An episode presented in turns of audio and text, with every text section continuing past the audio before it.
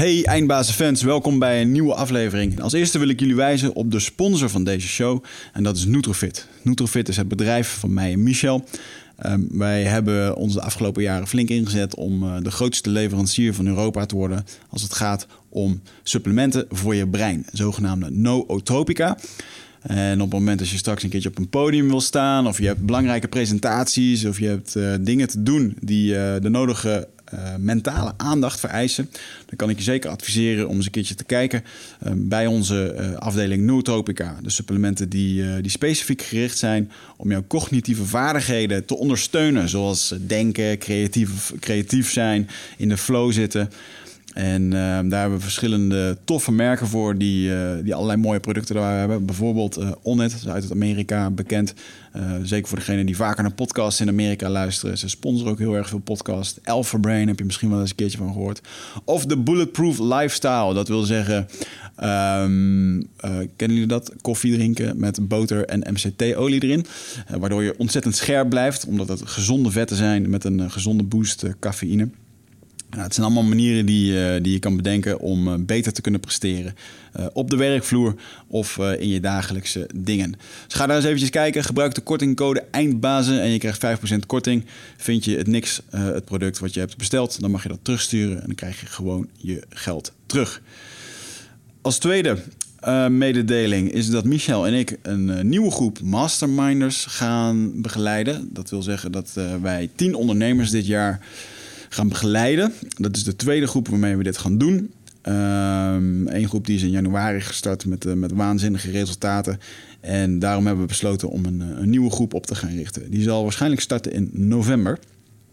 En, dan gaan we een jaar lang aan de slag met je onderneming. En we ondersteunen je daarin met uh, de problemen die je ervaart, die je op dit moment niet laten groeien. En vaak zijn we de grootste uh, het grootste probleem zijn we vaak zelf. Dus in zo'n jaar krijg je ontzettend veel inzicht over jezelf, over je business, over je onderneming. Uh, wat je daaraan kan verbeteren. Uh, dat doen we door met behulp van verschillende sprekers die bij ons komen. de sprekers die geven je inzicht over jouw persoonlijke gedrag, over je emoties, maar ook bijvoorbeeld over hoe je je bedrijf kan groeien, hoe je goede sales kan doen. Alles wat belangrijk is om de onderneming te laten groeien. Mocht dit je interesse hebben, kijk dan eventjes bij ons op de website op uh, eindbazen.nl. En daar staat op de voorpagina een mooie link, een mooie kop waar je eventjes op kan klikken om uh, meer informatie hierover te krijgen. Eindbazen wordt gesponsord door Nutrofit. De webshop voor natuurlijke voedingssupplementen en trainingsmaterialen die je helpen bij het verkrijgen van Total Human Optimization. Nutrofit is hofleverancier van merken zoals Onnit, Natural Stacks en Bulletproof Coffee.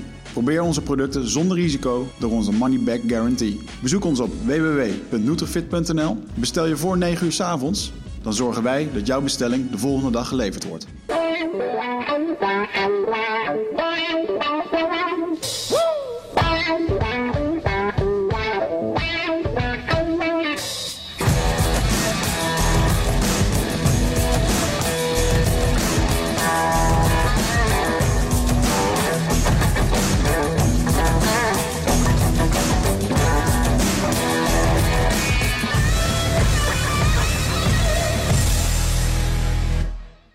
Volgens mij, als je naar uh, onze studio kijkt op dit moment, dan uh, doen we de kernles uh, van vandaag waarschijnlijk al behoorlijk goed. Want het is een beetje een houtje-touwtje bende. Normaal staan hier vele mooiere microfoons en dat is aangesloten aan die mix en zo. En dan ja. de draadjes mooi weggewerkt. Maar hey, fuck it, het werkt. Ja, er wordt op dit moment gewerkt aan een oplossing dat het technisch allemaal wat beter geïnstalleerd wordt. Maar goed, vandaag gaan we het hebben over een stukje perfect perfectionisme. Toen jij jezelf net voorstelde, toen noemde mm -hmm. jij jezelf een breinbemiddelaar. Ja, die term heb ik nog nooit gehoord. Nee. Je mag hem meteen even uitleggen en dan mag Astrid Davidson zich even voorstellen wie ze is. Ja, dankjewel. Nou, Astrid Davidson, met een Z. Um, van Zon in je leven. Mm. Dat, is, uh, dat is ook niet toevallig. En breinbemiddelaar heb ik een aantal jaar geleden bedacht. Als, uh, nou ja, ik, ik was voor mezelf begonnen en ik kwam erachter als je jezelf coach noemt, dan ben je, ja, ik weet niet, dan hebben mensen meteen een idee daarbij, stoppen je in een hokje bent uitgekletst. Mm. Dus, uh, en toen dacht ik, wat ben ik nou eigenlijk aan het doen uh, in mijn werk? Ik zorg ervoor dat mensen, ja, of dat ik help om te bemiddelen in hun brein. Als hun brein niet doet wat zij willen, dan uh, kan ik bemiddelen door middel van NLP, door middel van hypnose, om te zorgen dat dat wel gebeurt. Dus ik ben een soort bemiddelaar voor je brein. Ja, ja. Dus uh, Bemiddelaar met je onbewuste. ja, En wat is de... eh, ik heb hier ook een mooi boek voor me. Ik zal hem even voor de camera houden. Prima is perfect. Eh, in mijn wereld is dat niet altijd zo. In jouw wereld? Prima is... Nee, nu. ja, nou ja, ik heb eh, sommige projecten wel eens laten sneuvelen... omdat ik het allemaal te mooi wou doen. Dus, Ja. ja. Eh, zeker. en ik ken, ik ken jou ook als eh, designer, websites maken, grafisch ontwerper en dan dingetjes mooi maken. En dan ik kan me wel herinneren dat wij tot in de pijnlijke nachtelijke uurtjes aan dingen lagen te klooien om dingen mooi te maken. ja, Ja. vooral in het begin.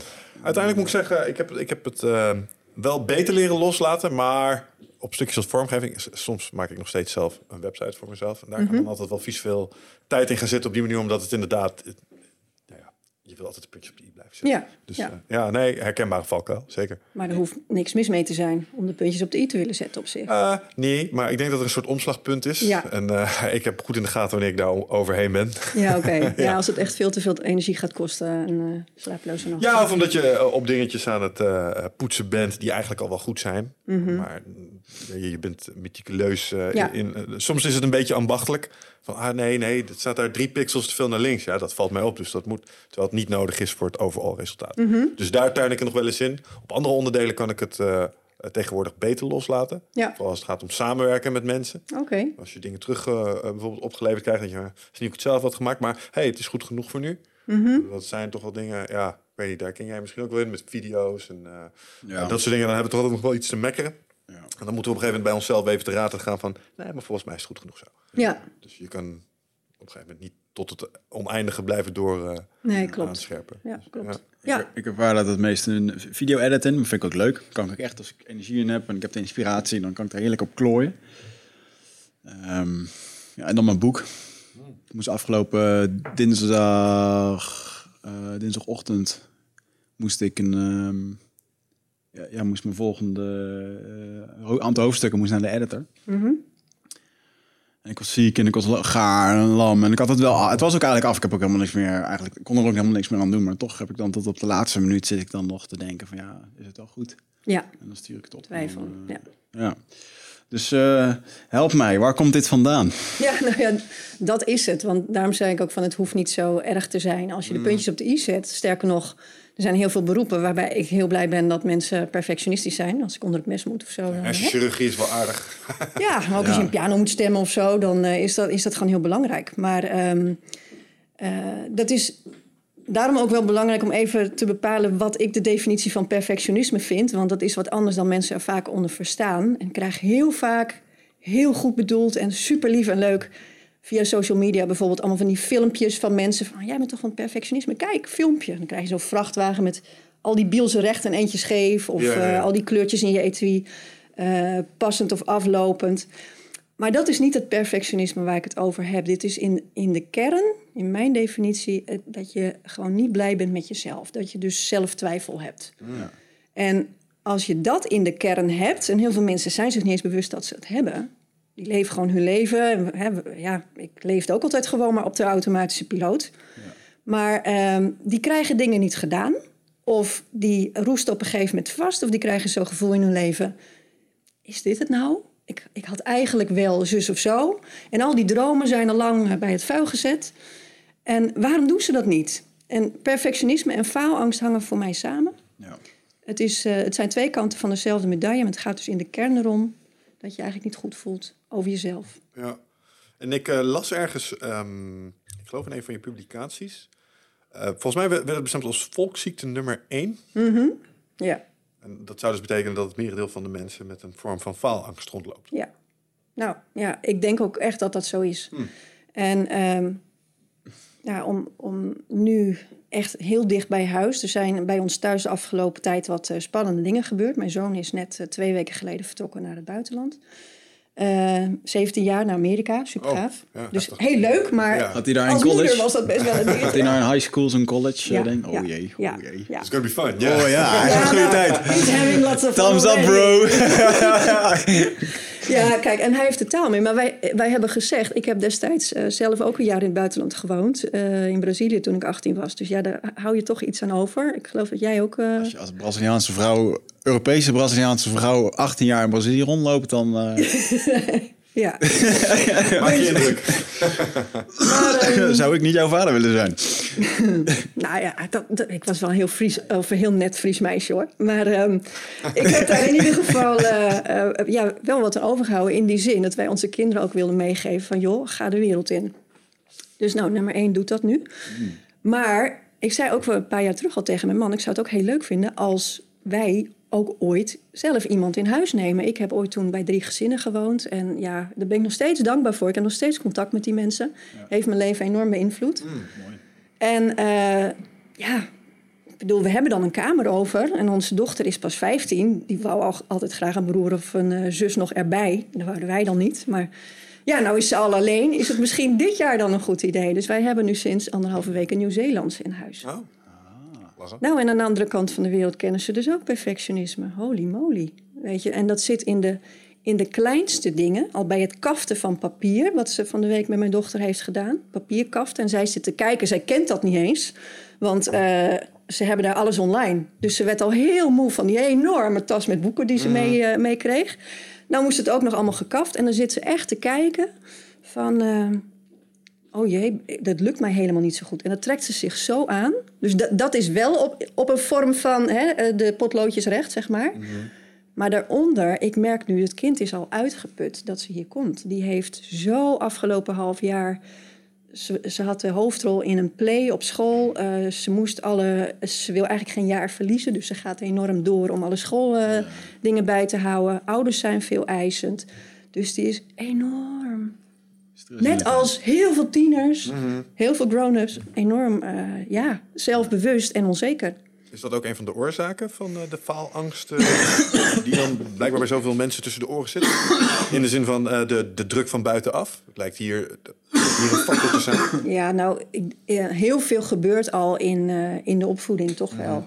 En eh, als ik daar eh, zelf in mijn eigen leven ook naar kijk, ben ik wel zo opgegroeid ook. En dan ben ik ook wel een tijdje dat ik daar absoluut niet mee om kon gaan. Met, met best een veel eisende moeder eigenlijk.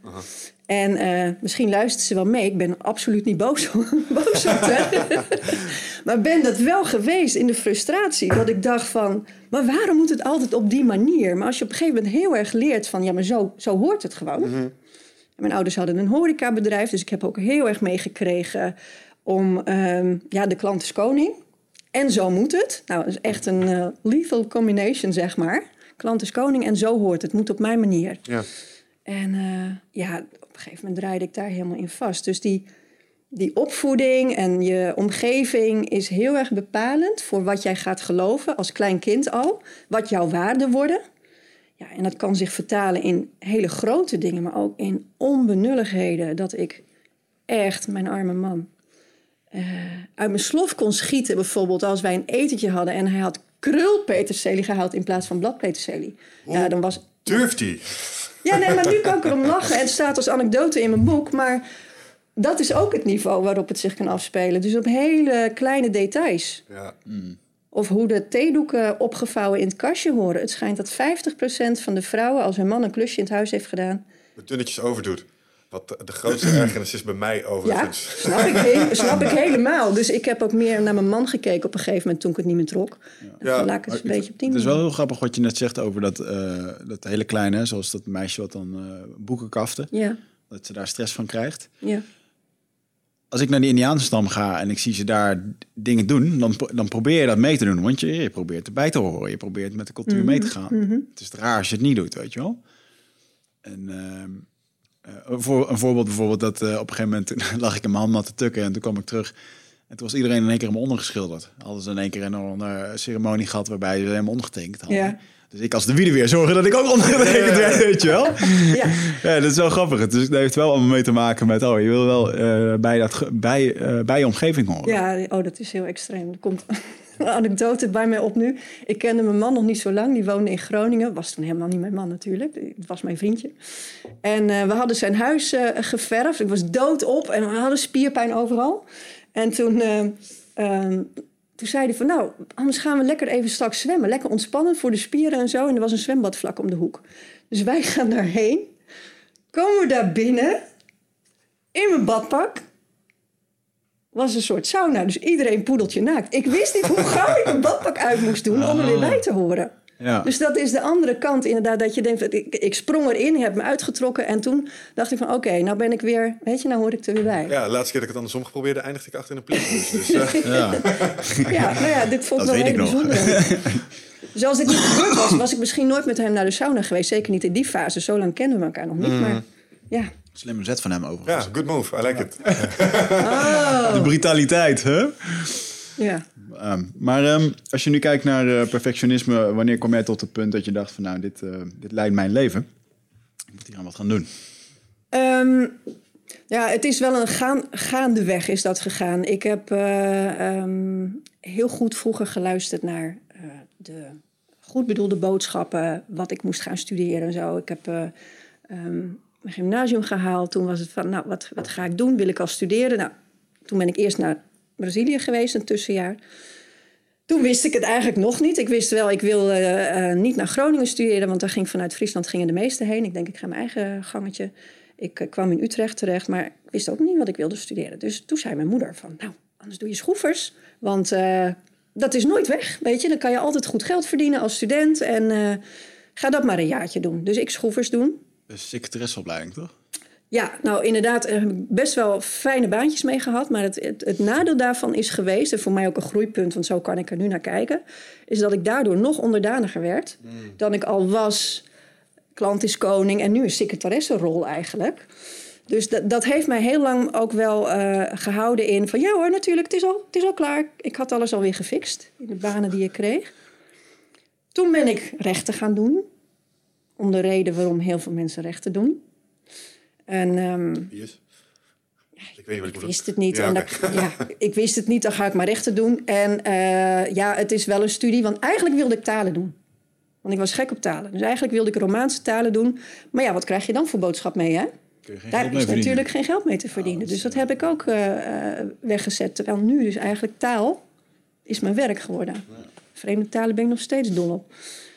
Dus het kan verkeren. Maar goed, eh, dus toch rechten gedaan. Geen fiscaal recht, wat eh, eh, sommige mensen in mijn omgeving een goed idee hadden gevonden. Geldwijs gezien. En eh, daarna maar gewoon gaan werken. Ik, ik heb nooit spijt gehad van die studie. Maar toen ik klaar was en ik had mijn bul internationaal recht op zak... dacht ik, nou, dit dus niet. Ja. Ja, nou ja. Ik Wat ook waarde heeft. Hè? Dat heeft ook waarde. Ja, absoluut. En toen ben ik maar gewoon via vakantiebaantjes en zo... ben ik in de communicatie terechtgekomen, in de PR terechtgekomen... beleidsmedewerker geweest. En ik heb jarenlang heel erg geprobeerd om me zo breed mogelijk eh, te blijven eh, ontwikkelen. Want dan kon ik altijd nog switchen. Want als ik dan zou gaan kiezen, ik ga echt het beleid in... of ik ga echt de PR in... En stel dat ik dat niet leuk zou vinden, dan kom ik niet meer terug. Dus ik was echt een schaap met vijf poten. Maar ja, ik vond het dus overal wel een beetje leuk, maar nergens echt. En eh, nou ja, in de liefde ging het wel goed. En, eh, we kregen een gezinnetje en toen... eh, op een gegeven moment wilde ik wat minder werken. Ik had wel leuk, leuk werk op zich qua verdienen. En de dingen die ik mocht doen, ik was er alleen niet heel blij mee. En ik moest vrij ver reizen. Toen ben ik een stapje terug gaan doen, iets dichter in de buurt gaan zoeken. Ben ik office manager geworden bij een start-up. En er zijn een paar van die momenten in mijn leven geweest, dat was wel heel leuk. Dat was zowel bij mijn relatie, met de Ron met wie ik uiteindelijk getrouwd ben.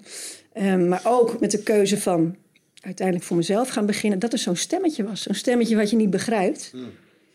Maar later denkt van, hé, hey, wat zei die nou eigenlijk? En oh, daarom moest ik dat doen. Dus toen ik op het punt stond om voor mezelf te beginnen... of nee, om eh, ehm, office manager te worden... waarvan mijn ratio zei... nou, maar dat is toch eigenlijk onder je kunnen... kreeg ik een stemmetje van... dit wat je nu gaat doen is oefenen voor later. Het was een start-up, dus ik was nummer twee. Ik mocht eh, de directeur, die net was begonnen met een, een leuk organisatieadviesbureau... mocht ik overal mee helpen. Administratie, praten met de notaris, de visitekaartjes. Ja, later denk ik van natuurlijk moest ik dat doen... want zo kon ik alvast leren ondernemen. Maar wist ik veel toen. Ja, ja, ja. En eh, nou, ik ben bij die start-up een aantal jaar gebleven. Die ontwikkelde zich heel snel. Ik haalde op vrijdag de haringen, ook voor het personeel. Ik deed van alles, maar op een gegeven moment, heel eerlijk gezegd...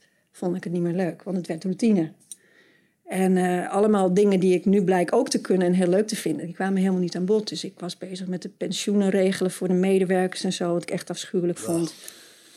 Ja, zo, zo heb ik in een andere baan ooit ook eens bij de gasunie... terwijl ik onderhandelde over gastarieven... me afgevraagd, hoe ben ik in hemelsnaam in dit leven beland? Oh, ja. Weet je, dat je echt denkt van, hoe is dit gegaan? Maar je bent wel zelf degene geweest die stap voor stap ja heeft gezegd.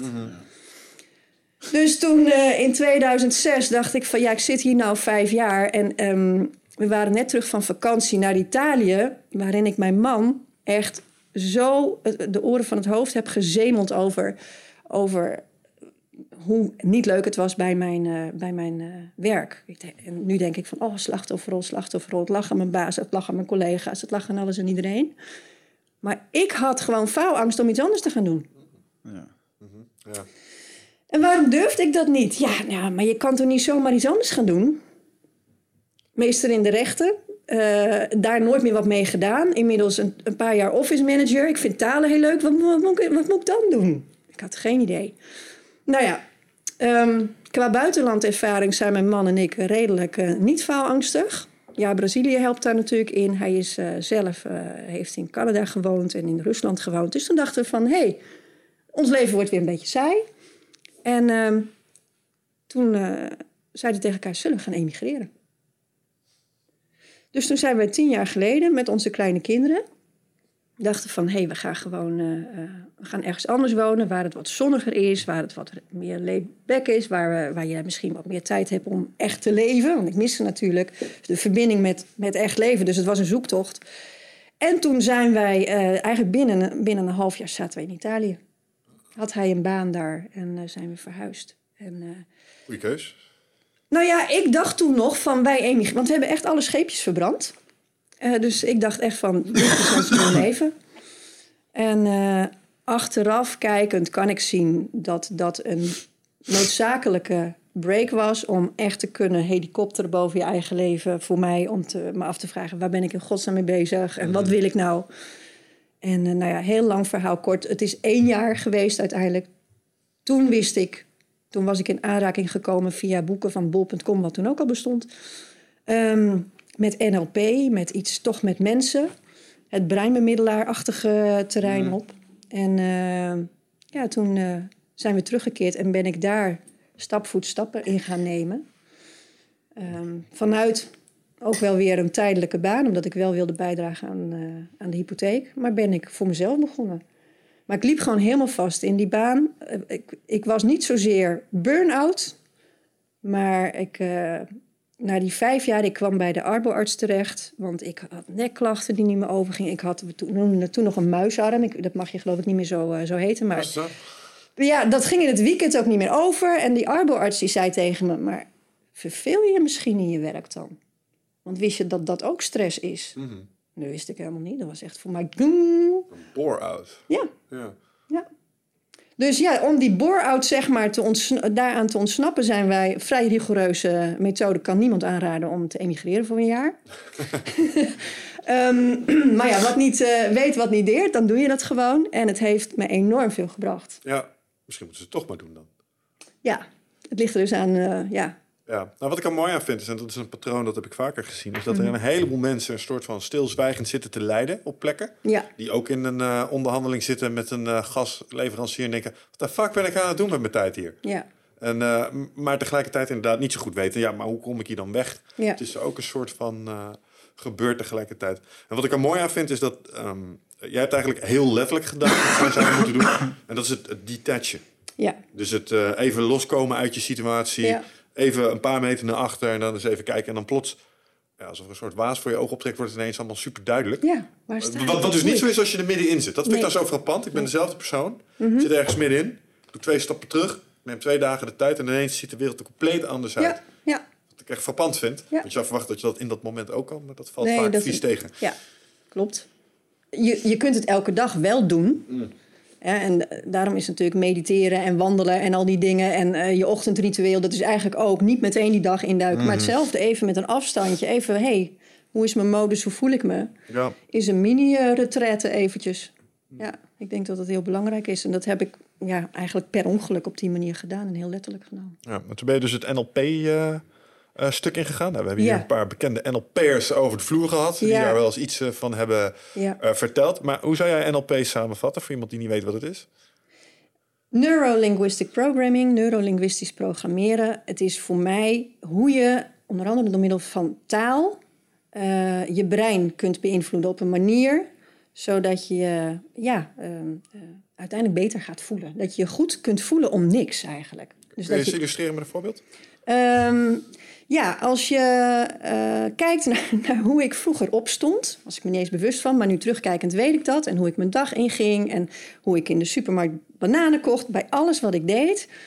Mijn mondhoeken, ik heb niet een hele lachende mond van mezelf, maar ik heb gemerkt de afgelopen tien jaar is die wel meer omhoog gaan staan. Terwijl hij stond er dus zo. Ja. Dus mensen die vroeger ook hadden van... Hé hey Astrid, ik zag je bij de bananen, maar uh, je zag me niet. Uh, ja, je zag er een beetje zorgelijk uit. Is er wat met je of zo, weet je wel? Gaat wel goed. Hoezo gaat het wel goed? Er is toen niet, weet je? Ja. Maar als er niet een reden was om me goed te voelen... Ja, dan stond het gewoon zo. Ik zeg waarschijnlijk, waarschijnlijk misschien iets heel racistisch, maar is dat niet een beetje typisch Fries? Ik heb, Fries, ik heb Fries bloed namelijk. Mijn moeder was half Fries, mijn oma niet. was Fries. Maar het zijn wel Noorse mensen zo vaak. Weet je, heel nuchter. Niet per definitie super... Nou, of, daar eh, gaan al de Friese luisteraars. Dat is ja, ik wou wel- net zeggen, ja, Ja. het is potentieel eh, een paar mensen over een kam scheren, maar... Ja, nee, dat zou ik zo niet durven zeggen. Oké, nou, Nuchterheid wel, maar die, of dat nou echt... eh, maar goed, het zou, ik, ik, ik neem het eens mee. Ik ga dit observeren. misschien is het ik iets om mail over ja. Maar misschien ga ik ook te kort door de bocht. Zou kunnen. doe ik ook wel eens. maar ehm, nee, dus dat als er geen reden was, dan, eh, dan, eh, dan eh, ja, voelde ik me gewoon moi. En ik denk dat heel veel mensen dat hebben. Die gaan gewoon moi de dag in. En ehm, ja, ik ben inmiddels ook wat verder dan alleen dat NLP. Er is ook spiritueel veel met me gebeurd. En de- hoe energie werkt. En ik, ik heb ook echt gezien dat als je moi doet... dan word je ook in, in moi bevestigd. Want alles is ook moi. Want dat komt naar je toe. En toen ik dus ging ontdekken, onder andere met NLP, dat is voor mij echt wel het startpunt geweest, dat er ja, heel simpel, die staan ook in mijn boek, oefeningetjes zijn om jouw default instelling van meh, om die eigenlijk even te veranderen in. hey, al is het alleen maar open-minded. Je hoeft niet meteen chakka, mag wel, maar hoeft niet. Maar gewoon iets meer zo. Je krijgt meteen, als je je banaantjes koopt, krijg je een glimlachje terug. Het zit in de kleinste dingen, waardoor je denkt van, hé, hey, dat. Dus eh, dat is wat NLP mij sowieso heeft gebracht. Dat is, dat, is, dat is in hele kleine dingetjes al. Maar ja, kleine dingen zijn ook de grote dingen. Dus als jij denkt van, ja, nou, maar dat is niet voor mij weggelegd. Dan zit je ook in die molen. Ja. Ik had- Ja, en als het gaat om verandering effectueren voor jezelf, denk ik dat mensen onderschatten hoe groot de invloed is van die kleine subtiele dingen waar jij het over hebt. Als jij met een uh, nou, spek grafback langskomt, dan gaan mensen ook een grafstemming krijgen. ja. Toch? En dan gaan ze zich ook zo gedragen. En als jij dan iets van ze moet vragen wat moeilijk is, of een beetje zeer doet of wat dan ook, nou, dan zijn ze minder meegaand en meewerkend dat als ze Ja. ehm, wel gechakkerd worden, bij Ja. wijze van spreken. Ja. En natuurlijk zitten er allerlei uh, tussensmaakjes in, maar, ja, het maar heeft een heel groot, een heel groot effect. absoluut. En wat ik, wat ik zelf mooi... Het is fijn dat je het zelf op een gegeven moment kunt doen. Het, het, het ging ook al heel snel werken. Ik had, eh, terwijl ik al begonnen was in de avonturen met coachen... eh, werkte ik eh, bij de rechtbank in Alkmaar op de afdeling eh, communicatie. Mijn oud-tante, die helaas is overleden, die had zoiets van... Yes, ze is eindelijk bij de rechtbank, komt allemaal nog goed met haar. Maar ik deed helemaal niet wat zij dacht. Maakt niet uit. Maar daar had ik nou een leuk punt over. Nou ben ik het totaal kwijt. dat gebeurt ook wel eens. Ehm, ja, als ik daar dan over, over de gangen liep... en door mijn eh, nieuw verworven eh, eh, manier van... Manipulatieve skills, ja. Ja, mijn, mijn, mijn, mijn NLP-skills aan, het, aan het oefenen was. En dus gewoon eigenlijk best wel zo door de gangen liep en een deuntje aan het fluiten was. Dan kreeg ik geregeld opmerkingen van, nou, dat is met jou dan? Dan ben jij vrolijk? Weet je wel, zo van, oh, oh, je moet wel een reden hebben om je goed te voelen. En dat, eh, ja, dat vond ik wel heel, heel bijzonder. Dus ik werd een soort van ook getest. Van, weet je zeker dat je... Vrolijk je- bent? Ja, Ja. weet je wel. En eh, ja, dan, eh, sommige mensen gaan dus ook als ze een keer uit hun comfortzone gaan, worden ze meteen ontmoedigd. Gaan ze dan ook maar weer terug in hun schulp. Dan denk ze van, nou, ik krijg zoveel reacties. dit is zeker niet eh, toegestaan hier. Ja, je spiegelt mensen heel erg in hun... eh, Ja, Ja, volgens mij gaan er ook letterlijk spiegelneuronen aan. Ja. Dat soort eh, Klopt. momenten. Ja, maar, maar ergens heeft het ook alweer dat als sommige mensen komen in de studio, ja, je merkt het zelf ook met alle gasten die hier komen, iedereen heeft een andere energie bij zich. En bij sommigen is het gewoon fucking relaxed en lacherig en goed te lachen, en anderen is het gelijk zwaar en serieus, want Ja. die is zenuwachtig en dan, dan merk je dat, dat is, dat is ja, een hele andere manier inderdaad. klopt. Ja. Ja. En, en vanuit dat NLP, ehm, want je had het dan net over een ander ding wat ik wel eh, redelijk interessant vind. Had je, ben- je dus de transitie naar hypnose gaan maken? Of Ja. hoe, hoe is dat? eh? Ja, nou, dat, ik heb eh, toevallig, ik heb sinds kort ook een podcast. En ik heb er een tijd voor gekozen om ehm, helemaal niet zoveel aandacht te geven aan de methodieken die ik gebruik. Omdat ik denk van ja, het gaat mensen helemaal niet om wat ik doe. Maar meer om het resultaat wat ze kunnen halen. Dus dat er hypnose en zo op mijn website staat, is niet zo heel belangrijk. Vroeger schaamde ik me er überhaupt voor. Dat is nog een, weer een andere fase. Waarom? Nou ja, omdat er best een heel erg stigma op eh, omheen hangt van hoe, weet je wel. En eh, wat is dat dan? En heel veel mensen zijn er bang van. Het komt toch door hè, de Rasti Rostelli-achtige voorbeelden die we... Ja, is dat de Yuri ons- Geller eh, die met een ja, ding... Ja, dus en dan met name mijn doelgroep, de perfectionisten die nogal eh controlfreak zijn, die vinden dat op- ja, in eerste instantie heel erg eng. Van ja, maar wat gaat er dan gebeuren? En straks ga ik rare dingen doen die ik niet wil. Laten we daar eens dan iets verder over hebben. Want wat Ja. is het wat, wat je in hypnose eh, gevonden hebt, wat waarde had om te bereiken wat je probeert te bewerkstelligen? Ja, nou wat ik dus ook ehm, ehm, eh, wilde vertellen en ook ga uitleggen in die, eh, in die podcast van mezelf, is dat NLP en hypnose weten heel veel mensen niet, maar dat, dat, die, die horen heel erg bij elkaar. En Ja. in, in heel veel gevallen is dat redelijk losgetrokken.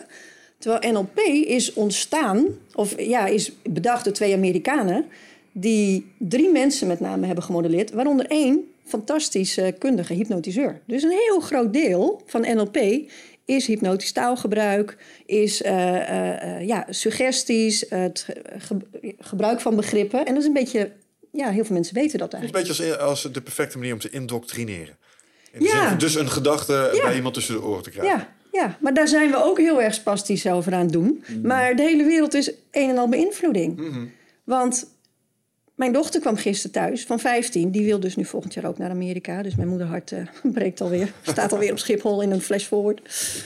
Nee, dus die gaat volgend jaar ook. En we zitten nou in dat eh, eh, traject, wat ik nu dus al een keer heb meegemaakt, van wat je dan allemaal moet doen. En zij kwam gisteren heel teleurgesteld thuis, want ze had gesproken met degene die daar op school over gaat, aan wie ze formeel toestemming moet vragen. En die meneer die had gezegd: Ja, dat is allemaal leuk dat je dat wilt, maar weet je wel wat voor nadelen dat allemaal heeft? Dus hij is haar enorm aan het hypnotiseren. Dat als zij terug is, dat ze dan moet uitkijken dat misschien de vakkenpakketten wel van samenstelling zijn gewijzigd. Dat ze de vriendinnen natuurlijk allemaal kwijt is. En Oh ja. weet je wel? Dus, Ja. en, en zij is inmiddels al wel door ons zo geïndoctrineerd. Dat ze zei van mama, en dan moet ik echt weer even terug naar mezelf. En dan weet ik wel, er is Komt niet uit school direct de hypnosebank in. Hoppa. Nee, ik hoef niks te doen. Ja, haar uit die hypnosebank halen van school. Ja. Want dat is Ja. ook hypnose. Nou ja, ja, Eh, echt een manier way. om de troepen te inspireren, generaal, zullen we zeggen. Eh, die meneer op... eh, je zou toch zeggen dat je op, op school, als een eh, student bij je komt... en die wil de vleugels uitslaan en die is nieuwsgierig... en die wil meer van de wereld kennen, dat je dat een beetje aanmoedigt. Ja. Het is gewoon eh, Maar het is een geen kwade wil, hè? Nee, ik heb, ik dat voorbeeld ook vaker aangehad. Ik wilde vroeger zo graag bij de commando's. En dat was mijn, ik was 15 jaar. Dat was mijn droom, weet je. Ik keek actiefilms uit Hollywood. Dat was de shit. En dan ging eigenlijk ging ik dan ook gewoon naar die begeleider toe om dat dan te vertellen. En dan wilde ik eigenlijk horen, nou, ik denk, dat, denk ook dat je dat kan. Moet je doen. En die zei gewoon, zou je dat de rest van je leven willen blijven doen? Dat ik echt een soort van teleurgesteld thuis kwam. En dat mijn moeder zelfs op een gegeven moment zei van... hoezo wil je nu in één keer niet meer het leger in? Ja, die kerel vroeg toen van... ja, ik wil, eh, wil je dat de rest van je leven doen? Ja, dat wil ik eigenlijk niet. Ja, echt een super demotiverende vraag. Hij stelde kritische Voor iemand, die al heel zijn leven, voor iemand die al heel zijn leven leraar was, weet je wel. Dus voor hem was Ja. dat eh, de gang van zaken, ja. Ja. Maar, maar hypnose. Ehm, Ja. Mhm. Nogmaals, dat stigma, ik ken het wel een beetje. Uh, Maar tegelijkertijd hoor ik hier ook vaker eh, andere slimme mensen erover praten... als zijn er iets eh, wat je kunt inzetten. Ja. Hoe werkt het? Hoe we- nou, het gaat er eigenlijk om dat je eh, iemands kritische bewustzijn, dus het eh samenraapsel van alles waar hij al in gelooft, dat je dat op een of andere manier omzeilt. Want het doel van hypnose is, als het goed is, tenzij het showhypnose is, dat, dat doe ik niet. Dat is ook heel leuk en interessant, maar dat is wat anders. Het doel is om iemand eigenlijk op andere gedachten te brengen. Om van bijvoorbeeld een onzeker individu iemand vol zelfvertrouwen te maken. Dus de- zo iemand zit al vol met eh shitgedachten. En eh, dan kan ik wel zeggen, en dat is, dat is ook echt. Daarom is mijn missie zo erg om mensen te laten inzien van positief denken werkt niet. Want vaak met positief denken probeer je die shitgedachten gewoon rationeel te bevechten. Oh ja, dat moet ik ook niet denken. Vanochtend nog, de mevrouw die bij ons schoonmaakt. Ja, ik heb eigenlijk rijangst voor grote afstanden. En, eh, maar ik moet daar maar gewoon doorheen, weet je wel. En eh, dat is dan zo op wilskracht van... ik weet wel dat ik niet bang hoef te zijn. Maar ze krijgt zo'n paniekaanval. Uh, dus dan denk ik van, oh, dat kan zoveel zachter. Maar ik ga niet iedereen die bij ons in huis uh, werkt... en uh, zeggen van, ga in die stoel zitten. Maar als ik bijvoorbeeld door middel van hypnose... het kan ook met verhaaltjes... storytelling is je reinste hypnose ook. Want wat gebeurt er bij storytelling? Mensen gaan mee in het verhaal, zitten er helemaal in, denken vaak dat het niet over hun gaat, dus zijn niet met hun kritische mind bezig. En dan kun je nieuwe ideeën daar heel mooi omheen, daar zeg maar die zaadjes planten. Mm -hmm. En zeg van, oh, maar dat kan wel. Ja, dat is eigenlijk wat, wat ik met hypnose doe. Mm. En soms doe ik het alleen maar pratend of uh, met een verhaal of uh, online als ik een webinar geef. En ik vind het ook leuk, en dat ga ik nu weer ietsje meer doen, omdat ik gewoon één op één mensen in mijn hypnosestoel. Ja, ja, ja, ja, ja. ja. Maar als je nou uh, kijkt naar echt, altijd interessant gevonden, hè? Hoe, breng je die zeg maar verdedigingslaag, dat scheelt wat die mensen hebben, met die kritische gedachten en dat dingen, hoe zet je die uit? Um, wat is de techniek daarvoor? Ja, eigenlijk, eigenlijk gewoon afleiden. Ik zit nu heel erg te denken, maar ik ben niet zo heel erg goed. Ik dacht dat ik heel gestructureerd was. En ik kom er steeds meer achter dat ik een enorme puinhoofd heb eigenlijk, wat oké okay is. Maar ik hoor mijn hypnose trainer nu al meeluisteren. Astrid, het is toch gewoon dat rijtje van drie stappen, die ik nu dus niet weet. Mm -hmm. maar waar het om gaat, is dat je eigenlijk iemand afleidt. Dus wat je bijvoorbeeld ook wel eens ziet bij die Victor Mits. Heb je die wel eens gezien van uh, uh, Mindfuck, mm -hmm. dat programma? Die zie je misschien ook wel eens doet hij vaak tenminste zo op straat, pakt hij iemand vast, zegt van hé, hey, kom, pakt, pakt zo die hand, kijk in die hand. En dan kijkt iemand in de hand, die is dus afgeleid, dus het brein is helemaal bezig. Wat is er dan met die hand? En dan zegt hij slaap bijvoorbeeld. En omdat je even in verwarring bent, dus je leidt af, je zaait verwarring, kritisch bewustzijn heeft een taakje. Mm -hmm. En dan geef jij de opdracht wat je wil, bijvoorbeeld slaap. Nou, iemand gaat heus niet slapen, maar die denkt wel van, en als je dan, met, dan moet je niet heel lang wachten, dan moet je meteen doorpakken. En voel eens hoe je lichaam voelt en dat je drie keer dieper kunt ontspannen. Dan pak je hem verder.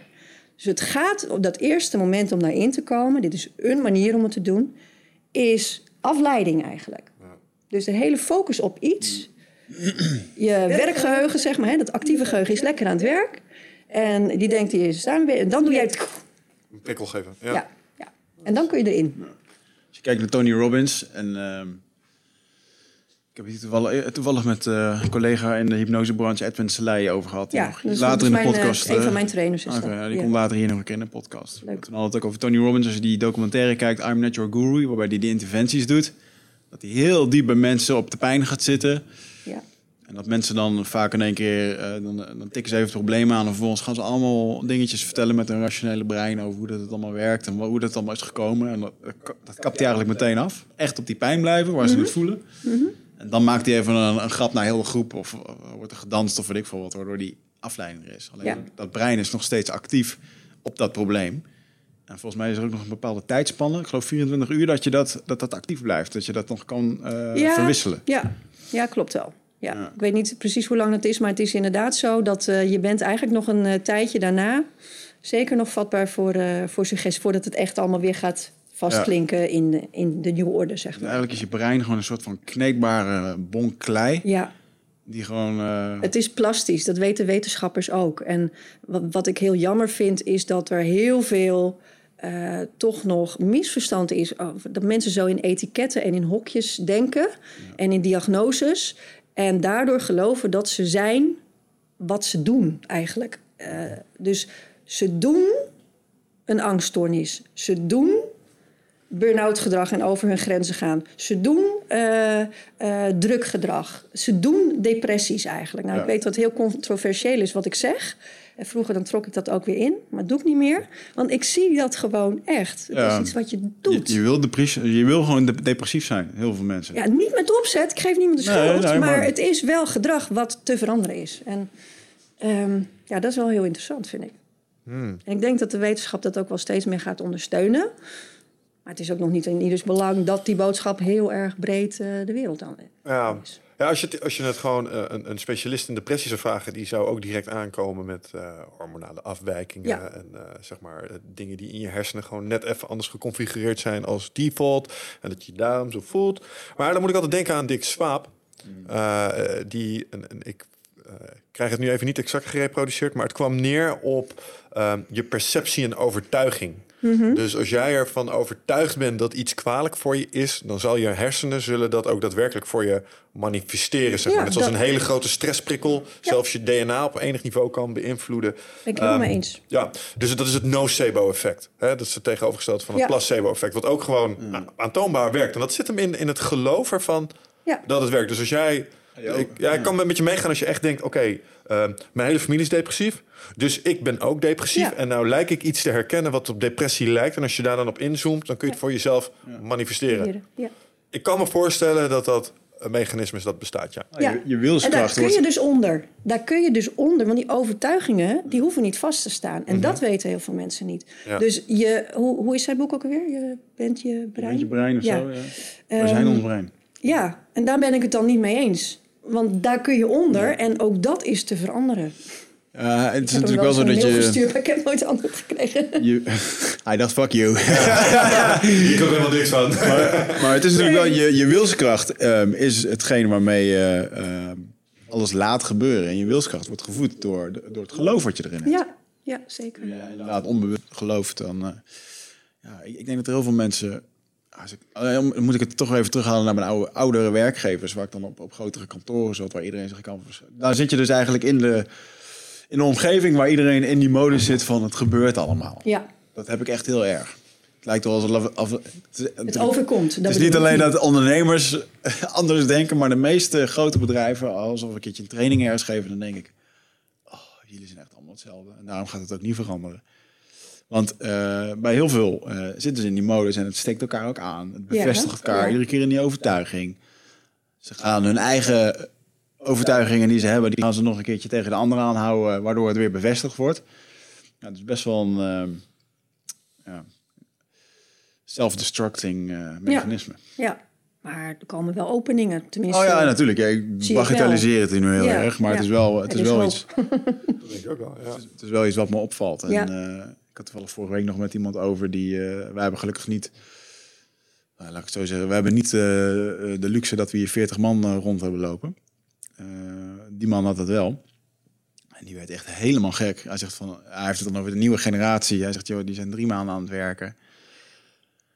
Staan huilend aan je bureau. Als ik een keer zeg, joh, voor rare schoenen heb je nu weer aan, weet je wel? En dan, en dan gaan ze er echt mee naar huis. En eh, oh, de baas, de Ja. zei dit. Nou, dan moet er een gesprek komen, want dat ze voelden zich beledigd. Nou, hij echt gewoon, jongens, het is, het is zo zwakjes, weet je. Ja, En dat is echt, en, dan, en dan is het ook, dan merkt hij ook echt dat mensen zich toch ook heel erg verschuilen in dat systeem van, nou, net de ziektewet in en dit, een burn-out hier. En, ja. en natuurlijk, voor die mensen is die burn-out echt. Is en ze voelen zich absoluut gepijnigd doordat iemand iets over hun, de baas iets over hun schoenen zei. Maar God. Shut the fuck up. Man the fuck up. generaties daarvoor, want ik heb veel toch wel wat, wat ja, mensen in, eh, op, eh, op de helft van hun leven, zeg maar, in de stoel. En het is niet dat het nou per se beter is als je zogenaamd sterk bent, maar alles hebt weggedrukt. En dat zie ik ook wel heel veel. dat er dus heel veel mensen, hè, en we gaan door. En dit, dat, dat zie ik nu ook bij het Ja. meisje bij ons. Die heeft juist meegekregen, dat heeft ze ook wel gezegd, van... eh, ehm, ja, de boodschap bijvoorbeeld op school over... ja, nou ja, wat jullie doen stelt allemaal niks voor. Nee, zo moet, weet je wel. Echt eh, alsof ze marinier is ook misschien wel. Ik weet het niet. Dat, maar- dat gevaar ken ik ook heel erg. Ik heb nu mijn eigen kleine dochtertje. En ik ben me er terdege van bewust dat als zij straks een keertje vijf, zes of zeven jaar is... en eh, Michel en ik zitten lekker een keer bij ons te kletsen... en ik zeg van, joh, die generatie moet niet zo zeiken, man, fuck up... en ik vertel hetzelfde verhaal als net... dat zij in haar brein kan inprenten... oh, eh, ik ga niet eh, laten zien dat ik... eh, ja, dat ga ik niet doen. Ja. En Die gaat daar iets over ontwikkelen... ja. maar dat is op de twintigste een burn-out kan Ja. krijgen. Dat is zo maar ontzettend... dat kan je niet voorkomen. Ik zeg ook dat mijn joh. kinderen moeten gegarandeerd in therapie. Weet je, en, er iedereen. ook een, Ja, We're all fucked up. dat, weet je? dat, en het feit dat, dat zeg maar de vorige generatie zo denkt over de nieuwe generatie, is ook gewoon waar. Want mijn ouders en grootouders hebben het moeilijker gehad als dat ik het heb gehad. En daardoor ben ik minder gewend aan ontbering. Ja. Dus eh, ja, als zo. ik onder dezelfde druk word geplaatst, heb ik daar meer moeite mee. ja. dus dat. En tegelijkertijd geloof ik ook heel erg, want ik hoor dat ook wel van ja, negatieve gevoelens en emoties mogen er zijn en zo. En dat is ook zo. En dan mag je het over hebben. Maar als het de default modus wordt, conditioneer je je hersenen ook weer om default naar die houding te kijken. Dus Ja. stel je komt in een kutsituatie. Ja. En je, en je merkt dat je, oh, ik vind dit vervelend. En je probeert dat om te denken. De training van dat omdenken zorgt ervoor dat je in de toekomst minder makkelijk naar dat negatieve grijpt. Ja. En, en het lijkt wel eens alsof je dat niet meer mag zeggen. Zo van, ja, kop op, weet je wel, even de schouders eronder, Ja. het valt allemaal wel mee. Ja. Ja, nee, dan eh, doe je er te makkelijk over en dan ben je weer zo'n chakra-figuur. Ja, Ja. maar jij traint jezelf nu Ja. om standaard in de negatieve houding te vallen. Ja. dat gaat je niet verder helpen in het leven, Nee. denk ik. Nee, nou dat is bij Prima is Perfect ook. eh, zijn het dit soort technieken die ik mensen als eerste juist bijbreng, zodat ze doorhebben van hé, hey, mijn default kan ik aanpassen. Ik heb mijn brein per ongeluk getraind door herhaling, op een gegeven moment echt zo te doen. Altijd negatief eh, te zijn, dingen eh, zwart in te zien, altijd te zeuren, altijd bevestiging te willen. Altijd dat, ja, dat, nou, sommige mensen staan elke dag op met een steen op hun maag. Ja. Weet je, gevoelsmaat. Dat kun je trainen. Als er verder nog echt dingen zitten, kan je daar ook nog voor in therapie of je doet er dus hypnose op. Maar heel, 70% van de klachten van die negativiteit kan je met NLP eigenlijk al weg NLP'en. Wat ik een bizarre vind daarin is dat je, want jij zegt net, nou als je bijvoorbeeld zegt het is niet erg, dat je ehm, bij het woord niet of wel, er zit geen gevoel bij. Maar als ik tegen jou zeg erg, dan komt er bij jou, kan je, je kan je inbeelden wat erg voelt voor jou. Dus om tegen iemand te zeggen van het is niet erg, het brein registreert alleen maar waarmee die gevoel heeft en dus dat het erg is. Dus hetzelfde, is ehm, geen probleem. Ja, probleem, eh, probleem, een voorbeeld van ehm, eh, een berg zonder sneeuw. Waar denk je als eerste aan? Een berg met sneeuw. En dan denk je de sneeuw eraf. Ja, En zo werkt het. In, dat, in het, het moment dat iemand zo erg in die pijn zit en je gaat met hem praten, werkt dat op die manier ook. Dus op het moment dat je zegt het is niet erg, bevestig je in zijn brein eigenlijk dat het erg is. ja. Hoe zou je het dan moeten zeggen? Eh, het is oké. Het is prima, het is veilig, Ja, het is veilig. komt goed. Ja, ja taal, maar dat is, dat is dus ook hypnose. Dat is de hypnose variant. De, de kennis van hypnose die in NLP wordt gebruikt... is bijvoorbeeld wat voor woorden kies je uit, inderdaad. En ben je bewust van de energie van elk woord. Als eh, de dokter zegt, ja, nou, het ziet er toch uit als een depressie. Hoe denk je dat iemand naar huis gaat? Ja. Alleen het woord al, ik heb een depressie. Ga je naar huis? Ja, maar tegelijkertijd denk ik ook eh, dat je... Ja, ik snap het. Ik snap het, Het is dat, dat woorden zo'n lading hebben, Ja. natuurlijk. Ja, absoluut. Tegelijkertijd merk ik ook dat ze hierover hebben... en ik, ik stel mij een discussie voor en ik zeg het is niet zo erg. En dat zal net, dan net hetgene zijn eh, wat het wel of niet... eh, Nee, natuurlijk, nee. Maar goed, dus ja, nee, maar ik snap het. Het, telt op. Nee, maar als je inderdaad in de hypnosestoel tegenover jou zit en men zit over de trauma's van vroeger te doen, dan zitten ze op het, op het vaarwater waar dingen veranderd kunnen worden. En dan schiet het niet op als de therapeut dingen gaat bevestigen die jij voelt op dat moment.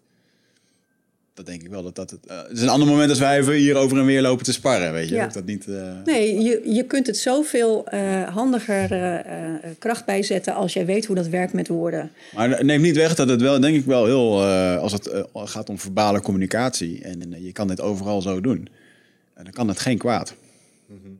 Ja. Is het zo, is het, is het terecht dat ik aanneem dat echt een heleboel mensen toch wel zo'n eigenlijk een beetje foutieve programmering hebben? Ja. Ja, nou ja, wat is, wat, wat denken is in fout schaarste, en wat zeg is, maar. Ja, wat is fout en wat is goed? Ik hoef er geen oordeel over te hebben. Ik, heb, ik ben ook niet meer zo van dat ik vind dat iedereen moet vinden wat, eh, wat ik vond. Ik geloof dat elke coach wel op een gegeven moment een soort eh, in zo'n evangelistische modus komt van wat ik nou heb ontdekt, dat moet iedereen weten. Nou, dat heb ik ook weer losgelaten. Want dat hoeft niet. Maar ik vind, eh, het voelt wel voor mij als mijn missie om mensen die ervoor openstaan te laten zien en ervaren dat je gewoon zo'n ander leven kunt krijgen. Het begint met kleine dingetjes, maar het werkt op alles. Als jouw programmering gewoon anders wordt. Dat is amazing. En daar heeft iedereen wat aan. Eh, de een in zijn relatie, de ander op zijn werk. De, in, ik denk dat vrijwel iedereen wel een gebied heeft waar die van zegt van nou daar zou ik wel wat meer zelfvertrouwen in willen hebben. Dus er is altijd wel werk aan de winkel. Kan. Zou ik jou mogen vragen om iets dichter bij de microfoon te komen? Want Ja. ik heb een voorgevoel dat onze luisteraars daarom vragen. Oké. Het gaat redelijk goed hoor. Ik Eh, ik ja, nee, ja, nee oké, gaten. maar Ja, ik, ja. dan, ik zie de afstand af en toe een beetje vergroot worden. Ja, dat ik een ben af teken en dat toe je wat ontspant, dat is eh, goed. bewegelijk. We moeten blijven denken aan de kwaliteit, jongens. Ja, heel goed. Oké.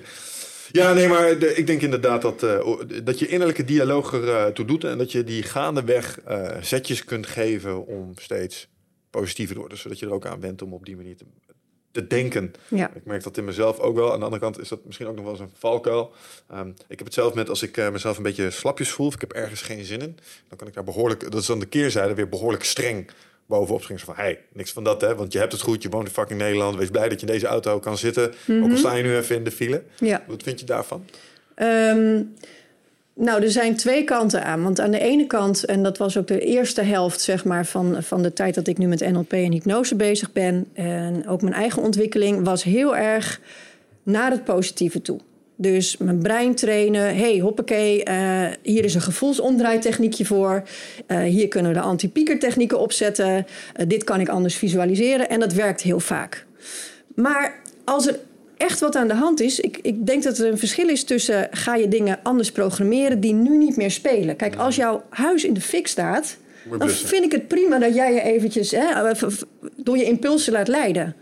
En als ik, zoals vorige week op Schiphol stond, echt met een gat in mijn hart, omdat mijn kind weggaat. En ik heb daar een heel open post eh, over op eh, Facebook gezet. Hoe dat voelde met een foto die mijn man had gemaakt. Dat ik echt zo sta. Dus allemaal, ik heb vooral vrouwelijke volgers. Allemaal gebroken harten. Die huilden allemaal met mij mee. Goede content. Op die pijn zitten. Ja, ja.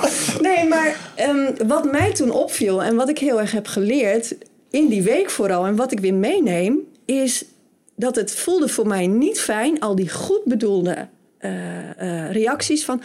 Oh, maar je moet toch trots op hem zijn. En ehm, hij gaat het heel leuk hebben. En een jaar vliegt voorbij. Ik denk, fuck you, ik heb gewoon pijn. En de mensen die zeiden, lieverd, ik zit in gedachten naast je. Och, nou, dan ging ik nog harder huilen, maar dat vond ik zo fijn. Dus dat vind ik dan wel zo'n moment. De pijn mag af en toe zijn. Want dan was die eigenlijk relatief kort. Maar hij is helemaal door me heen gegaan. En wij mensen zijn emotionele wezens. Ik heb het idee, wij moeten die emoties gewoon durven voelen. Maar allemaal oude emoties en oude programmeringen. En dat die onderwijzer of dat die eh, meneer op school zegt... Lotte, zou je dat wel doen? Dat dat komt omdat hij vroeger een overbezorgde moeder had. Ja, dat vind ik jammer. Nee, ik denk dat dat ook terecht is. En, en emoties als verdriet zijn er ook niet zomaar. Ik bedoel, het is niet alsof die verboden zijn. Ehm, als ik het heel onerbiedig zeg, zeg ik wel eens voor de grap. Huilen is eigenlijk een soort emotioneel poepen. Ja, Het moet, weet je, het Ja. moet eruit. En je kan het wasmachine van de ziel, zeggen ze toch? bij wijze van spreken. Ja. En als je het nu eh, onderdrukt, dan komt het, eh, dan krijg je constipatie, maar dan komt het later wel. Ja. En dan is het eh, minder leuk. Dan Ja. doet het zeer, nog meer zeer. Ja. Dus tegelijkertijd geloof ik wel dat in zo'n moment zitten en het gewoon even ondergaan. Dat is zeker niet het. Zeker als er echt iets Ja. aan de hand is. Ja. Huil jij veel? Nee, Wel eens? zelden. Kan je goed huilen? Nee. Maar dat komt omdat ik er daar een voorbeeld in heb gehad naar Snapt over voorbeelden. Ehm, ik zeg dat wel vaker. M- mijn vader is een van de grootste helden uit mijn leven. Omdat die voldoet aan de omschrijving, zeg maar, die ik een keer heb gehoord van een competent iemand. Wie is competent? Dat is degene die op de uitvaart van zijn eigen vader degene is die iedereen troost, zeg maar. Oh ja. En ja. dat is het voorbeeld wat ik heb gezien. Ja. Mijn opa en mijn oma is nou overleden. Mijn vader was de rots in de branding voor Ja. iedereen. Ja, ik heb sterk. hem nog nooit zien huilen. Nee. Dus dat is de lat waar ik mezelf aan meet. Ja. Dus als ik mezelf huil, als ik zelf huil, voel ik me heel zwak. Ja. Ik denk, nee, dit is geen... Waarom? Wat heb ik te janken dan? Weet je wel? Ja. En ehm, nou, dat, dat voel ik ook dan ook oprecht wel eens zo. Mhm. Niet in de laatste plaats, omdat als ik dan denk, waar wil ik nou eigenlijk om huilen? Dan, dan is er vaak eigenlijk niet eens echt iets aan de hand. Nee.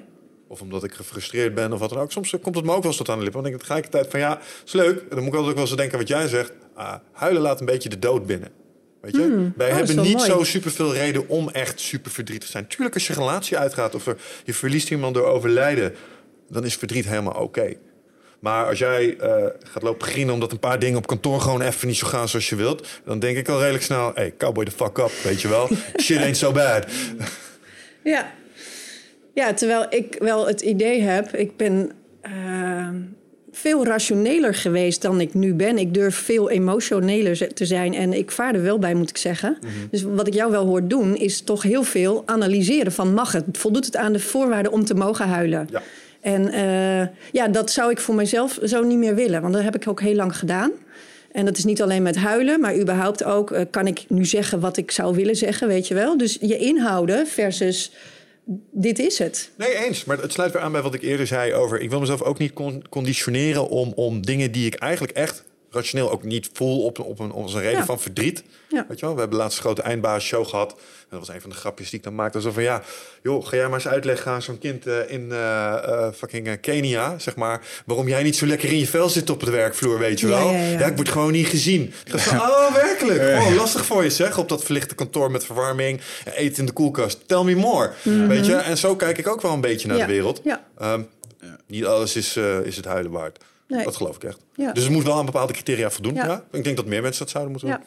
Geloof ik echt. Maar ik vind het ook zo mooi dat iedereen dus gewoon ook de vrijheid heeft om op basis van zijn eigen criteria te kiezen wat hij wil. En jij hoeft dat helemaal niet aan te passen. Alleen als jij ergens last van hebt, dan is het wel fijn om te weten van hé, hey, weet je, er zijn nu overtuigingen die, eh, of ja, ik, ik, ik, wil eigenlijk A, maar ik doe steeds B. En da- daar is dit dan niet een voorbeeld van. Ja, dat je daar dan wel eh, verandering in kunt aanbrengen. Omdat dat plastisch is. Ja, en, en de handicap die het me oplevert. Aan de ene kant is dat ik soms moeilijk empathie kan opbrengen voor mensen die in een moeilijke situatie zitten. Dan denk ik, ja, hoezo dan? Ja. Ehm, maar aan de andere kant denk ik ook wel dat het een soort zuiverende werking heeft. Want ik ben eh, nou eigenlijk niet omringd door azijnpissers. Nee, nee, dat snap ik. En en dat is wat voor een boel mensen ook wel een, eh, een reden is waarom ze niet zo lekker eh, in het leven zitten. Omdat ze omringd zijn door mensen die ook allemaal zo denken. Ja, Ja, die zoeken erop. Ja, en dan denk ik, ja, maar dat is precies het probleem. Je En- tolereert dit in je leven, dus dit is wat je krijgt. Dus eh, ja, dan moet je ze maar gewoon even laten voor wat het is. Dus tegelijkertijd, ik, ik projecteer die, die lat ook wel op anderen. Mhm. Ja. Maar als jij in mijn leven zit en je gaat alleen maar lopen moeilijk doen over dingen die ik triviaal... Ja, sorry, daar ben ik klaar mee. Ja, dat snap ik. Ja. maar zo werkt dat. Maar dat is wel waarom heel veel mensen bang zijn voor verandering, eh, ben ik ook achter. Omdat we inherent blijkbaar aanvoelen van als ik ga veranderen, dan gaan er allerlei dingen. En mensen zijn zich vaak niet bewust van wat er dan allemaal gaat veranderen. Maar ze voelen het aan hun water. Maar één van die dingen is dat je omgeving gaat reageren. Ja. Je gooit die steen, je krijgt rimpels. En ik merk dat nu ook, ik, ik geef veel online cursussen. En dan hebben we van die Facebookgroepen. Dus dan zie je mensen ook eh, allemaal ervaringen uitwisselen. Die doen dan een stoere stap. Joh, weet je, ik denk dat ik ook eens mijn baan ga opzeggen of zo. Weet je wel? Terwijl ze daar, dat is dan zo'n eerste voorzichtige stap. Dus ze zijn daar net mee aan het experimenteren. Maar wie zijn hun naasten nog? Dat zijn nog de mensen die altijd prima matchten met waar zij energetisch zaten. En qua, hè, qua zelfvertrouwen, dat matcht. Dus als jij opeens gaat zeggen van, floep, here am I. Dan zeggen ze natuurlijk, hé, hey, doe eens even... Gaan ze terugduwen, ja. Ja, of, of die kritische vragen stellen, zoals die meneer op school. En dat voelen we ergens aan ons water. En daarom zijn heel veel mensen ook wel bang om te veranderen. Heb je dat meegemaakt zelf? Ja, ik zie dat continu. Ja. Ga je desondanks door? Ja, inmiddels wel, omdat ik nu weet... en bijvoorbeeld ook wat ik net even aanstipte van... eh, ja, eh, eh, mensen met een depressie of depressieve klachten... is ook niet wie je bent, maar wat je doet. Dat wil niet zeggen dat ik iedereen kan redden van zijn depressie. Dat zeg ik niet, maar dat is... Is, mijn kijk erop. Dat zou ik vroeger weer inslikken. Omdat ik dan de, dag daarna heel veel boze mails kreeg. En, of tijdens een training van ja, wat je toen zei. En ik snap dat nu allemaal. Dus dan denk ik van het enige wat het wil zeggen is dat jij nu een ander standpunt aanneemt. Dus je zit op een, in, een, in, een andere, in een andere cirkel, zeg maar. Met andere standpunten. Daar horen mensen die daarop aanhaken. Er zijn ook andere mensen met andere geloofsovertuigingen, eh, andere aannames. Dus ja, dat, dat, dan, dat, dat, dat klopt gewoon dan. Ja. Dus het is niet fout nieuws als dat gebeurt. Het is eigenlijk een bewijs van jouw eh, beweging die je hebt gemaakt. Dat denk ik ook, ja. Er was laatst ook een onderzoek waarbij ehm, zeker mensen die wat minder slim waren, minder hoog IQ, die eh, lijken, eh, mensen lijken zich van nature te omringen met mensen die wat minder in hun ogen zijn dan zichzelf. Dat doen ze om zichzelf een soort positie te geven, zo van ik ben beter. Ja. ja. Grote reden waarom reality TV zo goed werkt. Mensen zitten voor de bank. Kijk hun dan, daar. Nee, jij zit er lekker bij met die zak chips op de bank. En. Oh ja, ja, ja. ja. Weet je, dat is Het is gewoon... om je eh, even superieur te ja, voelen. Ja. daarom is het een van de redenen waarom dat zo scoort. En eh, dat was Hey. ook een heel... eh, Ja, ik, zat, ik zat net dus te denken, ja, maar eh, volgens mij ben je dan, als je, als je niet weet waar dit over gaat, volgens mij ben jij degene in de vriendenkring, zeg maar, die ze hiervoor gebruiken. En toen zat ik net te denken, ik ken dit helemaal. En toen dacht ik net, gebruik jij mij hiervoor? ik voel me absoluut beter als ik bij Michel ben. Ja. Nee, maar en, eh, er werd dus ook bij gezegd dat op een gegeven moment dan kom je tot een, eh, eh, een bepaald niveau van intelligentie of bewustzijn. Waarbij eh, je kan zien dat, ja, dat dat niet gezond is. En dat je juist tegenovergesteld naar mensen gaat zoeken om je heen. Die eh, inspireren, die je kunnen coachen of wat dan ook. Want als jij tegen. Ik ken heel veel mensen, als ik zeg: heb je wel eens gedacht aan een coach? Coach, hoe moet ik ermee? Moet hij mij nou vertellen? Ja, ja. Nou, Heb je even? laat maar, weet je wel. Ik heb, ah, ik heb, nee, ik heb, ik heb een lijstje. ja. En eh, nou, ik heb het de afgelopen vijf jaar eh, geanalyseerd. En, eh, Ziet er heel te best uit. Ja. Heb jij wel eens eh, afscheid moeten nemen in dat opzicht dan? Van mensen? Dat, Ja, dat dat je is echt merkte dat dat begon te wrijven? dat is een hele grappige vraag. Als ik eh, vaak Q&A's doe op eh, social media of zo, dan is dit heel vaak gevraagd. Wigert, wat doe je met mensen eh, als je zelf bezig bent met persoonlijke groei? En het komt meestal uit de richting van 22, 23 jaar. Ehm, jongeren die daarmee bezig zijn. Al super mooi als je met die leeftijd er bezig bent. Wou dat ik er al mee bezig was. Maar, ehm, en om dan vervolgens van ja, wat doe je dan met die mensen die niet mee willen? En heel veel mensen hebben ook het, het rigoureuze idee dat ze moeten zeggen: Astrid, eh, onze vriendschap van de afgelopen vijf jaar, ja, eh, het is nu gewoon over. Het kan niet. Weet je, alsof een soort groot Ja, fucking drama moet worden. Ja. Terwijl op het moment als jij gewoon, en dat zeg ik dan ook altijd, joh, die ander die is niet slechter dan jij. Jij bent niet beter, want dat is natuurlijk ook een valkuil die we dan hebben. Nou, ik, eh, ik ben op ook. eh, iedereen moest doelen stellen. Ja. Ik had voor iedereen wel een plannetje hoe dat zo leven konden maken, weet je wel. Ja. En, ehm, eh, en uiteindelijk is het zo dat op het moment dat jij gaat groeien, ja, mensen gaan erin mee of je raakt mensen langzaam kwijt. En ik merk ook wel dat ik mensen minder zie, omdat ik er maar heel erg veel hiermee bezig. Ehm, ik denk ook naarmate, als je 23 bent, is ook wel een cruciale leeftijd omtrent vriendinnen. Er was heel veel feesten bij mij. eh, vrienden, vriendinnetjes. eh, ik had gewoon een, een feestvriendengroep. Ja. En dat was voor die periode, waren dat ook gewoon mijn vrienden. Iedere week stond ik op die festivals te knallen. kwam ik altijd dezelfde mensen tegen. Lachen, Ja, gieren, nou, brullen. superleuk, toch, in die nou, nooit meer contact mee gehad. Dus sommigen uitgezonderd daar. Daar gelaten. Maar ehm, ik denk uiteindelijk wel dat, ehm, dat er een natuurlijke vorm ontstaat waarbij je mensen kan loslaten. En ik ben dan ook heel erg makkelijk in. ehm, ik hoef mensen niet een bepaald aantal keer per jaar te zien Nee. om de vriendschap bevestigd te hebben. Sommige mensen die zie ik één keer per jaar en die zijn net zo goede vrienden als dat ik drie keer per week zie. Ja. En, eh, en die, eh, laat ik het zo zeggen, om die, waar, om die waarde voor mezelf zo helder te hebben, maakt het ook heel erg makkelijk om daar beslissingen te maken. Ik merk dat mensen het heel erg eng vinden. Eh, die hebben hun eigen waarde, hun eigen waarde niet op orde. Eh, en dus blijven ze overal maar aanplakken, omdat ze bang zijn uitgestoten te worden, uitgelachen of eh, er niet meer bij te horen. ja, klopt. Ja. Ja, ja nou, het, het, het, ehm, Mark Siegenbeek. Ik vergeet zijn tweede naam altijd. Oh ja. Ehm, Van Heulenkom. van, ja, die, die zei heel mooi... Die legde Waarom heeft hij twee namen eigenlijk? Weet ik niet. Zal uit het goed dorp komen. Hoe heet zij? Hij heeft zijn boek geschreven, toch ook? Ja, volgens mij het hier. Ja, iets met blauw. ja, precies. There Ja. we go. Mark Siegenbeek van. Ja. There we go. Mark, je moet hem eens uitleggen Oh, hoe Siegenbeek van. Dat lijkt een soort van adelachtig. Ja, eh, precies. Dat is, het heeft iets nobels. Je kom je zomaar aan twee eh, achternamen. Mijn naam is Michel Vos van Maaskant. Weer het meerman van graafschap of zo. ja. Ja, klinkt luxe. Anyway, ehm, hoe kwamen we hier? ja, wat zei Mark? Toch? Oh ja, ja, dat, Ja. eh, hij heeft het over, het, ehm, eh, over voldoen aan plaatjes. Ja. Wij, wij worden zeg maar, vanaf het begin af aan geconditioneerd met een plaatje. Dit is het plaatje, daar Ja. voldoet iedereen aan. En daar niet aan voldoen doet zeer. En, en daar zit ook dat stukje wrijving met de, met de sociale omgeving in, zeg maar. Ja. Als jij dingen doet die onorthodox zijn ten opzichte van waar je vandaan komt, dan word je daar een soort van op gecheckt door die mensen. En Mhm. Ja. dat geeft een soort ongemak waar niet iedereen mee uit de voeten kan. Ja. Nee, klopt. Ja. Ik denk dat dat het is. Ja. ja, en ook het stukje eh, waar ik ook dit jaar een grote les in heb geleerd... is dat ik mensen niet moet proberen te overtuigen. Zeker niet als ze mij niet... eh, als ze iets vinden over mij. Je gewoon Om, om dan heel erg mijn best te gaan doen om, eh, om toch uit te leggen dat ik echt wel een aardig jongen ben. Omdat het, eh, daar, heb ik, daar heb ik echt een heerlijk filmpje van over gekeken op YouTube over hoe dat, dat werkt. Echt een heel primair tribalism-achtig iets. Ja. Michel en ik horen bij dit clubje. En, en ondanks dat je ons zo meteen wijst op dat, eh, dat deze podcast helemaal eh, niet zo goed is, gaan wij wel reden bedenken waarom het wel is. Want je komt gewoon aan ons gedachtegoed. Ja. Je komt aan onze overtuigingen. En eh, ja, het is wel bijzonder hoe dat.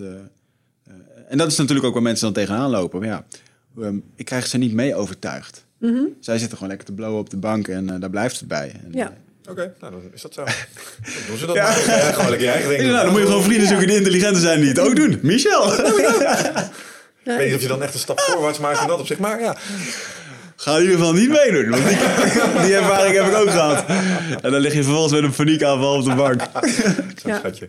Ja. Nou, waar dit, waar dit mij aan doet denken, waar je niet zo makkelijk afscheid kunt nemen. Tenminste, als je in een relatie zit en je hebt wel de intentie om bij elkaar te blijven. Hè, ook al lukt dat misschien de helft niet. Maar dat vragen mensen wel heel vaak. Ja, bijvoorbeeld, ik, ik ben nu met die cursussen bezig of ik heb die coaching gedaan en nu zie ik precies, dit zou mijn partner ook moeten doen. Ja. Maar ehm, ja, als dit, eh, hoe moet ik dat nou aanpakken? Want eh, ja, dat, dat boek dat, dat leg ik daar zo wel neer, maar of, of wat dan ook. En dan, Ga je nu afleiden. Boe. ja, nee, maar ik heb dat zelf ook geprobeerd. Toen ik, eh, toen ik me ook ja, ging verdiepen in dit soort dingen, dacht ik ook van jeetje, dit is voor Ron ook leuk. En nou, de eerste keer dat ik bij een NLP-trainer kwam, zei joh, ga zitten, dit is leuk, dit gaan we doen. Sluit je ogen. En dan zette ik mijn hypnosestem op. Nou, toen had hij al zoiets van, dit gaan we dus even niet doen. Dus dat heb ik daar voor altijd verknald. Maar ik heb hem wel heel vaak geprobeerd mee te nemen in mijn enthousiasme van weet je wat jij moet doen? Dit. En nu geef ik het averechtse advies als mensen mij dat vragen. En ze willen hun partner ook vanuit de beste intenties meekrijgen. Het zou zo goed zijn. Laat het los. Want dat werkt niet. Want welke boodschap geef jij je partner eigenlijk daarmee? Je bent niet goed genoeg. Je moet eerst aan jezelf klussen en dan hou ik van je. Dus een soort voorwaardelijke liefde. Ja, ik vind het waar, totdat, ja, uh, maar ik heb uh, uh, meerdere relaties gehad. Ik heb ook wel eens een bepaald pad ingeslagen daarmee. en dan hoeven ze niet mee. Maar wat ik wel belangrijk vind, is dat ze je supporten. Ja. Dus dat ze het niet gaan oh, lopen nee, tegenwerken. Want dan mag, dan mag je wel even terugdrukken. Vind ja, ik. nee, maar dat, dat, dat vind ik ook iets anders. En, en die kant heb ik, godzijdank, in mijn relatie ook. Daar ben ik heel dankbaar voor. En dat zou voor mij ook echt wel heel belangrijk zijn. Als dat niet zo zou hebben gewerkt, dan zou dat misschien ook voor mij, omdat die missie ook zo sterk voelt. Mm -hmm. Dat zou een reden kunnen zijn om dan wel uit elkaar te gaan. En het is niet, maar dat is ook de angst vanuit hun. Ja, dat jij gaat veranderen. Ja. Tuurlijk, en dat mag ook. En, en ze mogen kritisch zijn en ze mogen meedenken. Maar als je dan op een gegeven moment een besluit maakt, zeg maar. Ja, tuurlijk, je moet het erover hebben. Je moet er eerlijk over zijn. Maar op het moment dat je dan een keuze hebt gemaakt en zegt... ja, maar dit wil ik gewoon echt graag doen. Ja, dan, dan moet je ook iemand naast je hebben staan die zegt... oké, ik snap het misschien niet 100%, maar fuck it, let's go. Ik help je ermee. En nog iets anders, wat het ook heel vaak is... hou eens op met je vingertje, Davidson. Is dat een neiging, ja? nou ja, ik zie het nu. Denk, hoezo? Dat is alleen maar mijn mening die ik ga vertellen. Maar dat je um, uh, vanuit de beste intentie probeert iemand te vertellen hoe het is. En um, uh, ja, dan ben ik, ben ik weer afgeleid. dat is grappig. Dan zegt Ron altijd: Nee, je wordt niet vergeetachtig. Het is niet je leeftijd. Ik heb dat ook wel eens. En ik heb heel lang uh, het idee gehad en de angst. Nou vaar ik in een heel ander gebied, maar misschien moet dat ook wel. Omdat ik dus een paar jaar terug teken een TIA heb gehad. Dat het af en toe uh, zo weg is. Dus dan, ja. dacht ik, uh, dan ging ik al, dan kreeg ik al een paniekaanval omdat ik iets niet meer wist. Mm. De laatste kaarten zijn beschikbaar voor het Ride of Passage Retreat op 24, 25 en 26 mei. Ben jij erbij? Het is een volgende stap in je persoonlijke groei. Uh, een weekend waarbij de belofte is dat het een tikkeltje oncomfortabel gaat worden. Maar daar ligt natuurlijk wel gewoon de groei om meer helderheid te krijgen in je leven. Om uit je hoofd te komen in het lichaam. Um, achter te laten wat je niet meer dient. En om echt de volgende stap te maken door de oude patronen te doorbreken, te doorzien, te doorvoelen en, en te helen. En daarvoor wil ik je heel graag uitnodigen. Uh, en ik hoop dat jij een van die laatste bent die nog aansluit bij het Rite of Passage Retreat. Ga naar wichertmeerman.nl, klik op Retreat en ik zie je daar. Maar ik raak ook wel eens de draad kwijt in mijn gesprekken. Ja. Ik heb geen TIA gehad, dus misschien kunnen we die uitsluiten. Ja, nee, maar dat was... Maar ik vind desondanks wel even interessant uh, ja, om sorry, over te vragen. Wat wil je zeggen? Ja, ik wil je even een, uh, dat is ook een beetje een risicovraag. Ja. Um, ik, ik ben ook een beetje in de boeken gedoken van hypnose en het NLP en uh, hoe dat doen. Um, ben je ervan overtuigd dat de, de TIA een resultaat is van je gedachten en overtuigingen?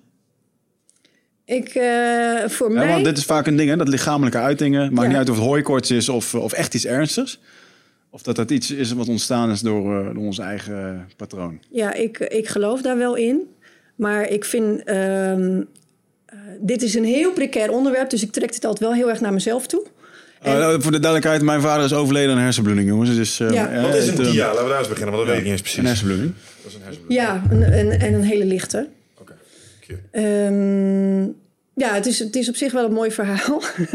het was drie jaar terug en ik uh, uh, zat in mijn agenda en ik denk... oh ja, ik moet die even bellen. En, een van mijn klanten om een afspraak te verzetten. Dus ik pak de telefoon op en um, ik hoor een voicemail... dus ik maak me klaar om die voicemail in te spreken. En ik meneer, meneer ik, ik denk, wat is dit? Ik kan er niet bij. Ik kon gewoon niet meer uit mijn woorden komen. En ik was volledig helder, Ehm, maar dit lukte niet.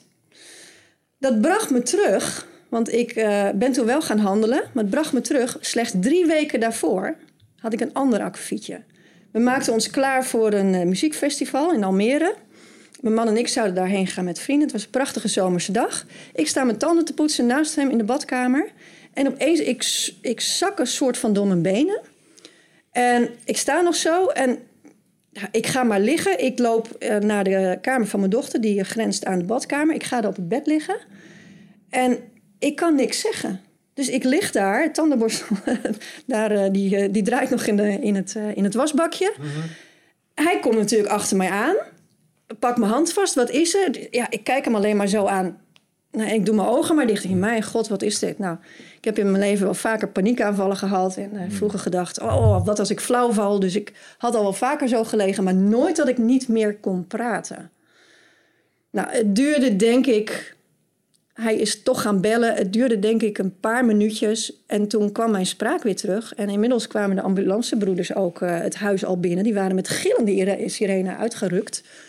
En... Um, um, nou ja, ik kon weer zitten. Ik, ik, ik kwam ook weer bij stem. Dus, uh, goh, mevrouw, wat is er gebeurd? En uh, nou, die doen wat checkjes. En ja, nou, we kunnen eigenlijk niks vinden. Bent u erg gestrest? Ik zei, ja, niet dat ik weet. Maar ja, stress is natuurlijk ook heel erg onbewust. Dus ik mm. weet inmiddels dat ik heel vaak toch gestrest ben... als ik denk dat alles prima gaat. Mm. Maar ze konden niks vinden. Hartfilmpje gemaakt, allerlei uh, dingetjes. Dus nou, dat ging dan in een dossiertje. Maar ze konden weer weg. Ze zeiden van ja, nou, we kunnen echt niks vinden. Geen reden om u op te nemen.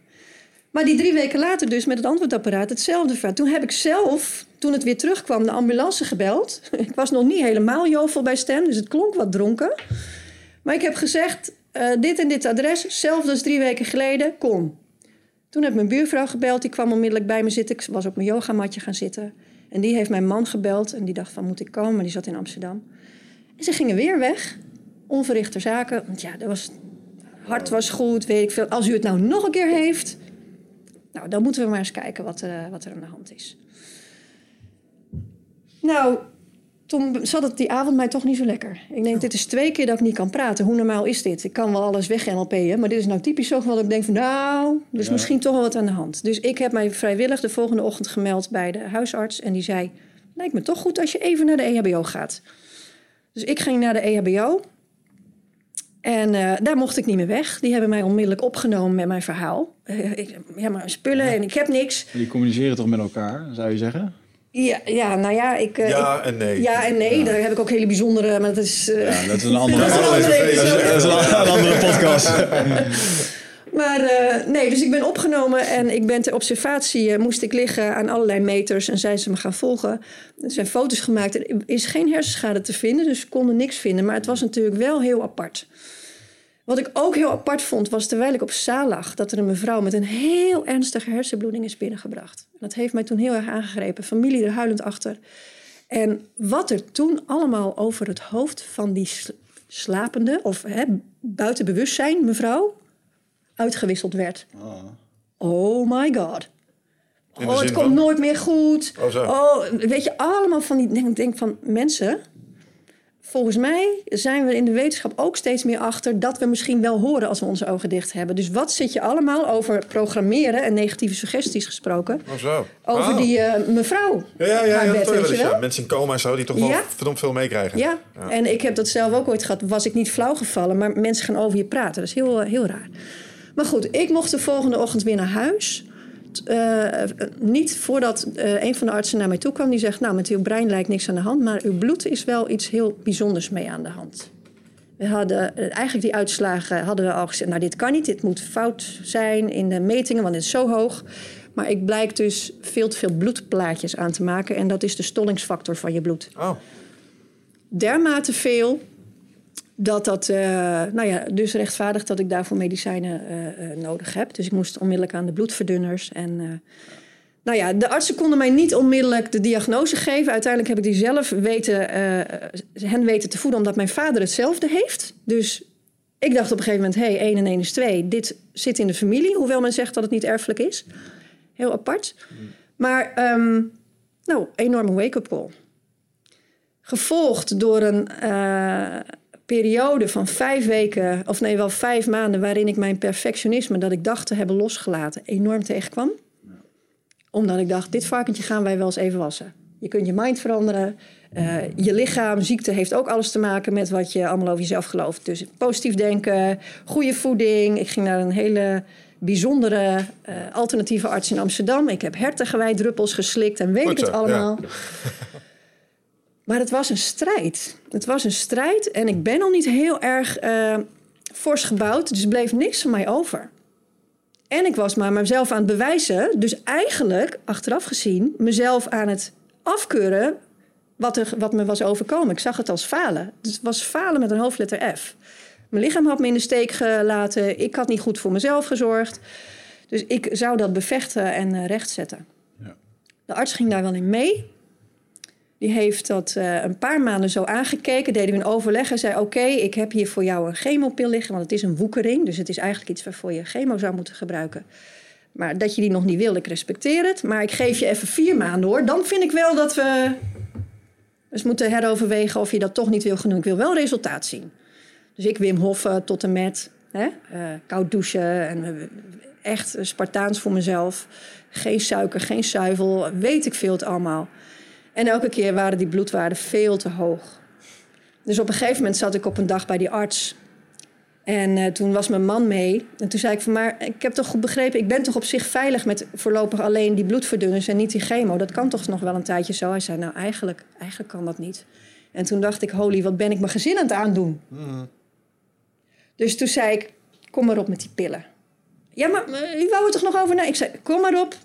En um, ik, ik, denk, ik ga die bijsluiter niet lezen. Ik wil het allemaal niet weten, wat het allemaal... Hè, want dan heb je weer het... Uh, dat is hier horen zitten, ja, ja, zeker. Ja, ik snap het. Dus dat wil ik allemaal niet weten. Maar ik heb dus eigenlijk onbewust uh, gewacht. Ik ben er naartoe gegroeid om die pillen te kunnen omarmen... van dit is wat ik nu in mijn leven nodig heb. Mm -hmm. Dan is het maar chemo, daar was ik altijd wars van... En ik heb van de week weer een herhaalrecept gehaald. En uh, ik, nou, ik danste bijna door de gang. Dat ik denk van hoe cool dat die pillen er voor mij zijn. Dus dat is, een ja. enorme omslag. Hoe was, uh, hoe was de chemokuur op zich? Nou, het is, het is niet een chemokuur zoals je dat uh, weet van... Ik bedoel, ik... Had je er last van? Is van nee, nee, okay. ik heb, nee. Dus het, het, het is een vorm van een chemotablet. Mm -hmm. Wat het op lange termijn allemaal zou kunnen doen, geen idee. Maar daarin geloof ik wel. Alleen al het feit dat ik er niet tegen vecht, voelt voor mij alsof er zoveel. Nou, niet alsof. Er is zoveel stress van mij afgevallen daardoor. Dat ik dit nu accepteer als horend bij mijn proces. Mm -hmm. Dat ik denk dat ze daardoor minder kwaad doen dan wanneer ik er nog had tegen gevochten en had gezegd: ik doe het omdat de dokter het wil. Ja, dat kan ik wel volgen. Ja. ja. Dus ik slik ze nou twee jaar. En terugkijkend denk ik uh, dat uh, dit hele verhaal. geloof ik heel erg dat het gewoon mijn ziel is geweest. die mij op het pad heeft gezet van. Want Astrid was wel een beetje ingekakt al. Ik was al jaren aan het ondernemen. Ik deed allemaal leuk. Maar uh, ik heb wel vaker het gevoel gehad van... Uh, Davidson, je zegt wel dat je al je perfectionisme loslaat. Maar elke coach die preacht precies wat hij zelf nodig heeft. Hè, daar geloof ik ook in. Dus er is altijd wel weer een volgend niveau. Ja. Er is altijd weer iets waar je jezelf kleiner maakt. Ik denk echt niet dat ik alles kan. Ik heb al heel veel daarin verschoven, maar het kan altijd weer anders. En ik geloof dat mijn leven niet over mij gaat, maar over wat ik te brengen heb en waar ik heel veel plezier in heb. En dat ik dat kan delen en dat komt veel groter.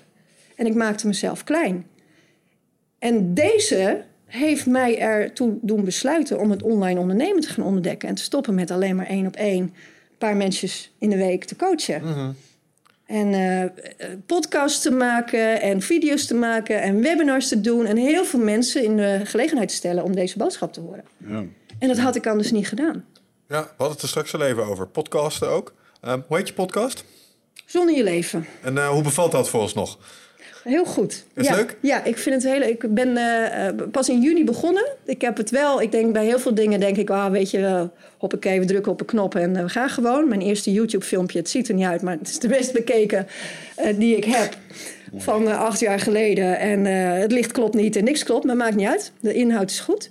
Maar bij die podcast dacht ik van, nou ja, inmiddels verdien ik meer geld, dus ik ga naar een bedrijf wat dat een beetje kan, mij daarin kan helpen. En toen, zei, toen vroeg die man, ja, maar hoe serieus ben je dan? Weet je, want als je daar eh, wat van wil maken, moet je wel eigenlijk committen tot tenminste twee keer in de maand. En toen had ik zoiets van, nou, dan ga ik dat nu dus ook gewoon roepen dat ik het elke week ga doen. En ehm, ik ben aan de ene kant wel heel erg altijd van de flow willen voelen en niet te veel op wilskracht. Maar soms is een beetje commitment ook wel goed. Ik het zeggen, soms moet gewoon Dus ik maak hem nu elke week en eh, hij komt elke zondag uit. Het is ook vast tegen alle marketingregels in, maar boeien. Wij ook. Zonder je leven, maakt me niet uit. Wat is, de, wat is de marketingregel? Wat is goed?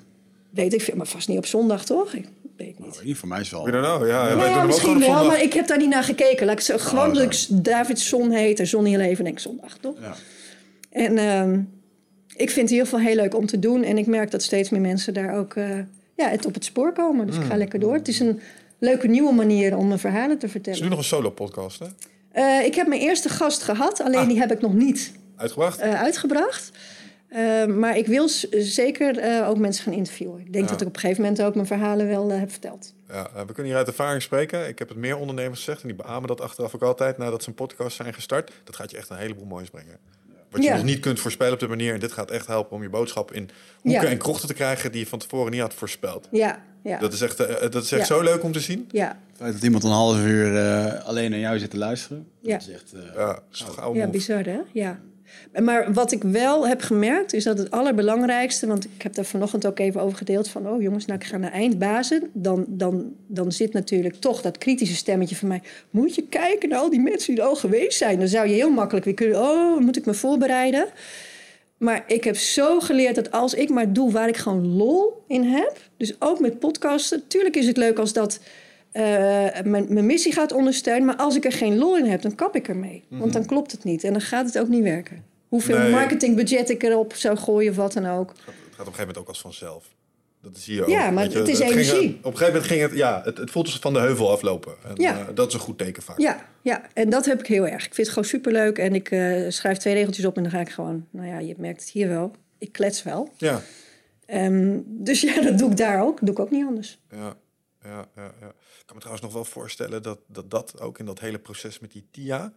eh, Dat lijkt mij het engste aan het verhaal. Dat het je spraak aantasten. Daar zat ik net echt van, van oh, wauw. Ja. Lastig podcasten zonder stem. Zo, Nou ja. of een samenhangende zin kunnen formuleren. Ja, maar je bent eh, eh, je zo bewust opeens hoe ongelooflijk kostbaar eh, alles is. En dus weet je, en eh, ik mocht net, dat komt me nu te binnen, maar dat eh, eh, heb ik net niet aan gedacht. Maar een van de dingen die ik in mijn ochtendritueel ook doe, is, is dankbaarheid. Ja, Maar eigenlijk hoef ik daar mijn ochtendritueel niet meer voor te hebben, want dat heb ik gedurende de dag ook al steeds meer. Ik denk van, wauw man, er is is zoveel om ja, dankbaar voor te zijn. Al is het alleen al dat inderdaad je stem het gewoon doet. Hoewel ik nou een beetje kikker in mijn keel heb. Maar dat je uit je woorden kunt komen. Dat je twee ogen hebt. Ja. en zoveel meer moois. Ja. Ja, ik kan me voorstellen dat dat een ongelooflijke eh, eh, zeg maar motivatieboost ook geeft om, om dan een volgende stap te gaan maken Ja. voor jezelf. Zeker. Ja, ik denk wel, je moet altijd denken in overvloed, maar soms is een heel klein beetje schaarste zeg maar ook niet erg. Nee. je even realiseert van, yo, dit is niet allemaal Kijk, gegeven. ik dacht dus niet in overvloed. En dan helpt het lot, zo zie ik dat dan, eh, eh, stuurt mij een beetje van... hallo, eh, wacht eens even, we willen graag dat je een andere keuze maakt. Geloof je er niet in, dan helpen we je wel, zodat je geen keuze hebt. Maar geloof je in dat soort uh, Ja, geloof ik enorm. losbestemmingen? Ja. Daar denk ik ook wel in. Ja. Was ik vroeger nooit zo van, maar er zijn te veel dingen gebeurd dat ik denk van ja. eh, en als je het niet ziet, want vroeger zag ik het niet, dan, dan klopt dat ook. Die waarheid klopte toen ook. En dit is niet een waarheid waar ik wie dan ook van hoef te overtuigen, maar bij mijzelf, Ja. spot on. Ja, ja, ja. Ja. Ja, interessant. Ja, het blijft een discussiepuntje hier in de podcast. Ja, dat ik- nou precies in elkaar zit. Ja, ja, ja. ja, Ja. Ik, dat weet ik ook niet hoe het in elkaar zit. Ik las toevallig van de week, heb ik nog zitten googlen over toeval. Hoe dat, dat wetenschappelijk... eh toen kwam je toch weer op determi- determinisme. Ook toeval is geen toeval, is bepaald. Precies. Dat is een interessante. En, en Ja. het hele idee is dat dingen die we heel bijzonder vinden, die te toevallig lijken, eh, dat is gewoon een numbers game. Ja. Dus eh, zeg maar, als jij eh, nu de straat oploopt en eh, jij eh, wordt net op het laatste moment door mij nog even geroepen en daardoor stap jij niet op straat en word je niet overreden, dan denken wij met z'n allen, holy fucking shit, divine intervention. Maar 9999 keer vandaag wordt er wel iemand van zijn sokken gereden. Wij waren toevallig, chance, bij die ene waar het niet zo is. Maar wij interpreteren dat als een divine intervention. Cijfers waren gewoon net iets anders. Eh, precies. Maar als we zeg maar één, wij- of één wijk of één stad verderop waren geweest, was je wel van je sokken gereden. Er is wel iemand die ligt daar nu gewoon in een ambulance. Ja, en die heeft dat gevoel van, oh, dit is eh, toevallig. Die hebben zij helemaal Ja, maar die denkt, eh, ah, maar echt, als ik, eh, als ik bijvoorbeeld eens, als ik iets een seconde later de deur uit was geweest, had mijn been nog verder over de weg gegaan, was ik niet alleen, eh, was ik eh, niet alleen eh, mijn hele been kwijt, maar slechts mijn enkel, weet je wel? Dat Conclusie, wij als mensen zijn erg graag op zoek naar betekenis in toevalligheden en cijfertjes die er niet zijn. Ja, goed, uiteindelijk is natuurlijk eh, toevalligheid. ja, dan gaan we deze discussie. ja, je komt er toch niet uit, maar het is wel leuk. Ja, ik vind het, het is heerlijk om over dat soort dingen een beetje na te staan. Ja. Ergens hoop ik dat het, dat het klopt, wat, wat je zegt. Dat er een, zou echt vet zijn als er een divine plan is. En dat het allemaal hoort erbij. En, en dat, dat je een soort rol hebt. Dat zou je een purpose geven. Ja. Oh, hoeveel waarde heeft je leven dan ineens? Het dient Ja. een hoger doel. Ja. Dat is heel fijn. Ja. Ehm, zou- Dus ik voel me er wel zijn. bij, ja. Ja, Ja. absoluut. Ja. Ik ken de keerzijde namelijk van vrienden van me... die ehm, volledig het determinisme eh, daar helemaal ingehangen. En dat wordt een nihiliste. Ja. En Wat doet dat met je? een nihiliste is iemand die eh, inziet, nou, het is toch allemaal met toeval. Het ik ik ben hierbij. eh, ja, het is een, een streepje licht tussen twee duisternissen. Eh, ik was hiervoor niet, ik ben er hierna niet. Het heeft nul invloed op de kosmische schaal. Over vijf jaar is iedereen mij toch weer vergeten. Dus why, why would I care? Ja. En Ja. dat is nihilisme. Ja. Ja, maar dat is natuurlijk ook hun eigen gedachtegang waarbij ze zouden kunnen zeggen, nou, eh, over vijf jaar is er iemand vergeten, ik ga er in ieder geval voor mezelf het beste van maken. Oh ja, nee, nee, dat is, maar dat is wat positief nihilisme is. Als je dan inziet, oké, het doet het toch allemaal niet toe? Ja. Dan is de eerste neiging die mensen krijgen een stukje neerslachtigheid van... oh, oh dat is niet zo mooi, want we willen graag allemaal de film... de held van, van de film Ja. zijn, maar dat Ja. zijn we dan niet. Daar komen we achter, dat maakt ons bitter. Ja. Maar sommige mensen die slaan om en die zeggen... nou, als dit het dan is, fuck it. Dan kan ik maar net zo goed van het Ja. eh, ritje genieten... en Ja. dan ga ik het maximale eruit halen. Tegen die, met- tegen die vrienden kan je gewoon voortaan zeggen, jij wil gewoon een negatieve nihilist zijn. Correct. en ik ben een positief nihilist. Want ik denk dat al die dingen ook waar zijn... maar je doet er toch niks aan, dus kun je er maar beter het mooiste van maken. Ja? Dus optimaliseer je genieten dan maar. Maar het is niet zo, want er zijn mensen die eh, bepaalde indrukken in de wereld hebben gemaakt, die eh, langer dan vijf jaar eh, rond blijven gaan. Oh ja, zeker. Maar het merendeel van de mensen zal niet zo'n indruk maken. Want het, mensen, het aantal mensen die zo'n indruk hebben gemaakt... kunnen we misschien op twee handen tellen. Ik bedoel, dat is een beperkt lijstje. Maar we zijn met biljoenen. Dus statistisch Ja, gezien is de nee. kans super klein dat jij zo'n impact maakt. En dan kom je weer in het spirituele vaarwater... en dan kan je denken, ja, maar als determinisme waar is... dan heb je invloed op iedereen. Want als ik positief ben, daar hadden we het net over... dan word jij positief... Uh, en stel, wij worden positief door jou en wij komen Ja. bij Wim Lex uh, te zitten. Dus dan gaan we mee kletsen. En die beïnvloeden wij positief. En daarna zit die Poetin toevallig. Whatever. Natuurlijk gaat het niet zo, met zulke schreden, maar het beïnvloedt elkaar allemaal wel. Hmm. Dus heeft het wel weer zin. Ja, hey, en uiteindelijk vanuit daar kunnen we een podcast starten alleen voor koninklijke leden. Hoe vind je die? Jij? En, dan over, en, dan over, en dan over heel de Dan wereld. Drea, de Malia. en, eh, dat is voor jullie, ja. Poetin, dan, eh dan Willempie. Volgende week hebben we Willem. Dan, nou, dat lijkt me wel wat. Ja. ja, dat is mooi. Dus ja, in dat opzicht... ehm, ik hoop dat er zoiets bestaat als een lot. Want dat zou betekenen dat Ja. jij, eh, zeg maar, dat, dat wat je nu doet, eh, onder andere met je boek, ehm, d- dat dat zo bedoeld was. En Ja. dat, en dat, het een idee, dat er een idee achter zit. Ik kan me voorstellen dat het voor een boel mensen een heel geruststellend idee is. Ja, ik had het als klein kind al. Dus Hmm. dat, op, ik, ik weet nog dat ik vier of vijf was. Toen ging mijn eh overbeppen, oerbeppen zeggen ze dat in eh, Friesland. Dus de moeder van mijn beppen, Ja. mijn oma, die overleed. Dat was het eerste sterfgeval voor mij. En dan vertelde mijn moeder dan, die kwam in mijn, eh, bij me aan het bedje dat vertellen dat hij was overleden. En toen liep ze de kamer uit en ik probeerde zo te slapen. En toen dacht ik, dood, weet je wel. Dood. Nou ja, zo, dat heb je misschien ook wel gehad als kind... dat je over het heelal ging nadenken of over de sterren. en Oh, dan, ja. dat is zo niet te bevatten. Als je niet uitkijkt, dat is wel gek. Ja. Nee. Maar toen was er een soort van geruststellende gedachte van... ja, maar het, het, het, het is de dus... Dat heb ik toen voor waarheid aangenomen. Het is dus gewoon niet denkbaar voor mij... dat je hier 70, 80, 90, 100 jaar rondloopt... en dat zit voor altijd. Want altijd kon ik ook niet bij. Dat was zo groot, ik denk dat kan niet. Dus iets in mij is daar altijd maar in blijven geloven. Altijd in blijven geloven. Wat, wat, Ja. Dat vind ik wel interessant omtrent het opvoeden van... eh, ik weet nog heel goed dat, eh, dat ik... Mijn vader is overleden twee maanden na mijn geboorte. En ehm, ik heb er zelfs een hoofdstuk aan gewijd in mijn boek. Mm Dat is een van mijn eerste... Als je het hebt over mijn vroegste herinnering... Ja, Wat ik, dat is een van de herinneringen is dat ik, ehm, ik denk dat ik een jaar of, nou, vijf, zes was, denk ik. Dat ik ehm op een bedje lag en dat ik, ehm, eh, dat ik helemaal een soort van paralyzed van angst daar lag. En dat mijn moeder gewoon in één keer uit het niet zei. En ik weet nog steeds niet op de dag, en ze weet ook nog niet dat ik dat heb geschreven, maar die, tot op de dag van vandaag geen idee hoe dat ze dat heeft gemerkt. Maar dat ze op een gegeven moment tegen mij zei van, joh, eh, ben je bang dat mama straks ook doodgaat?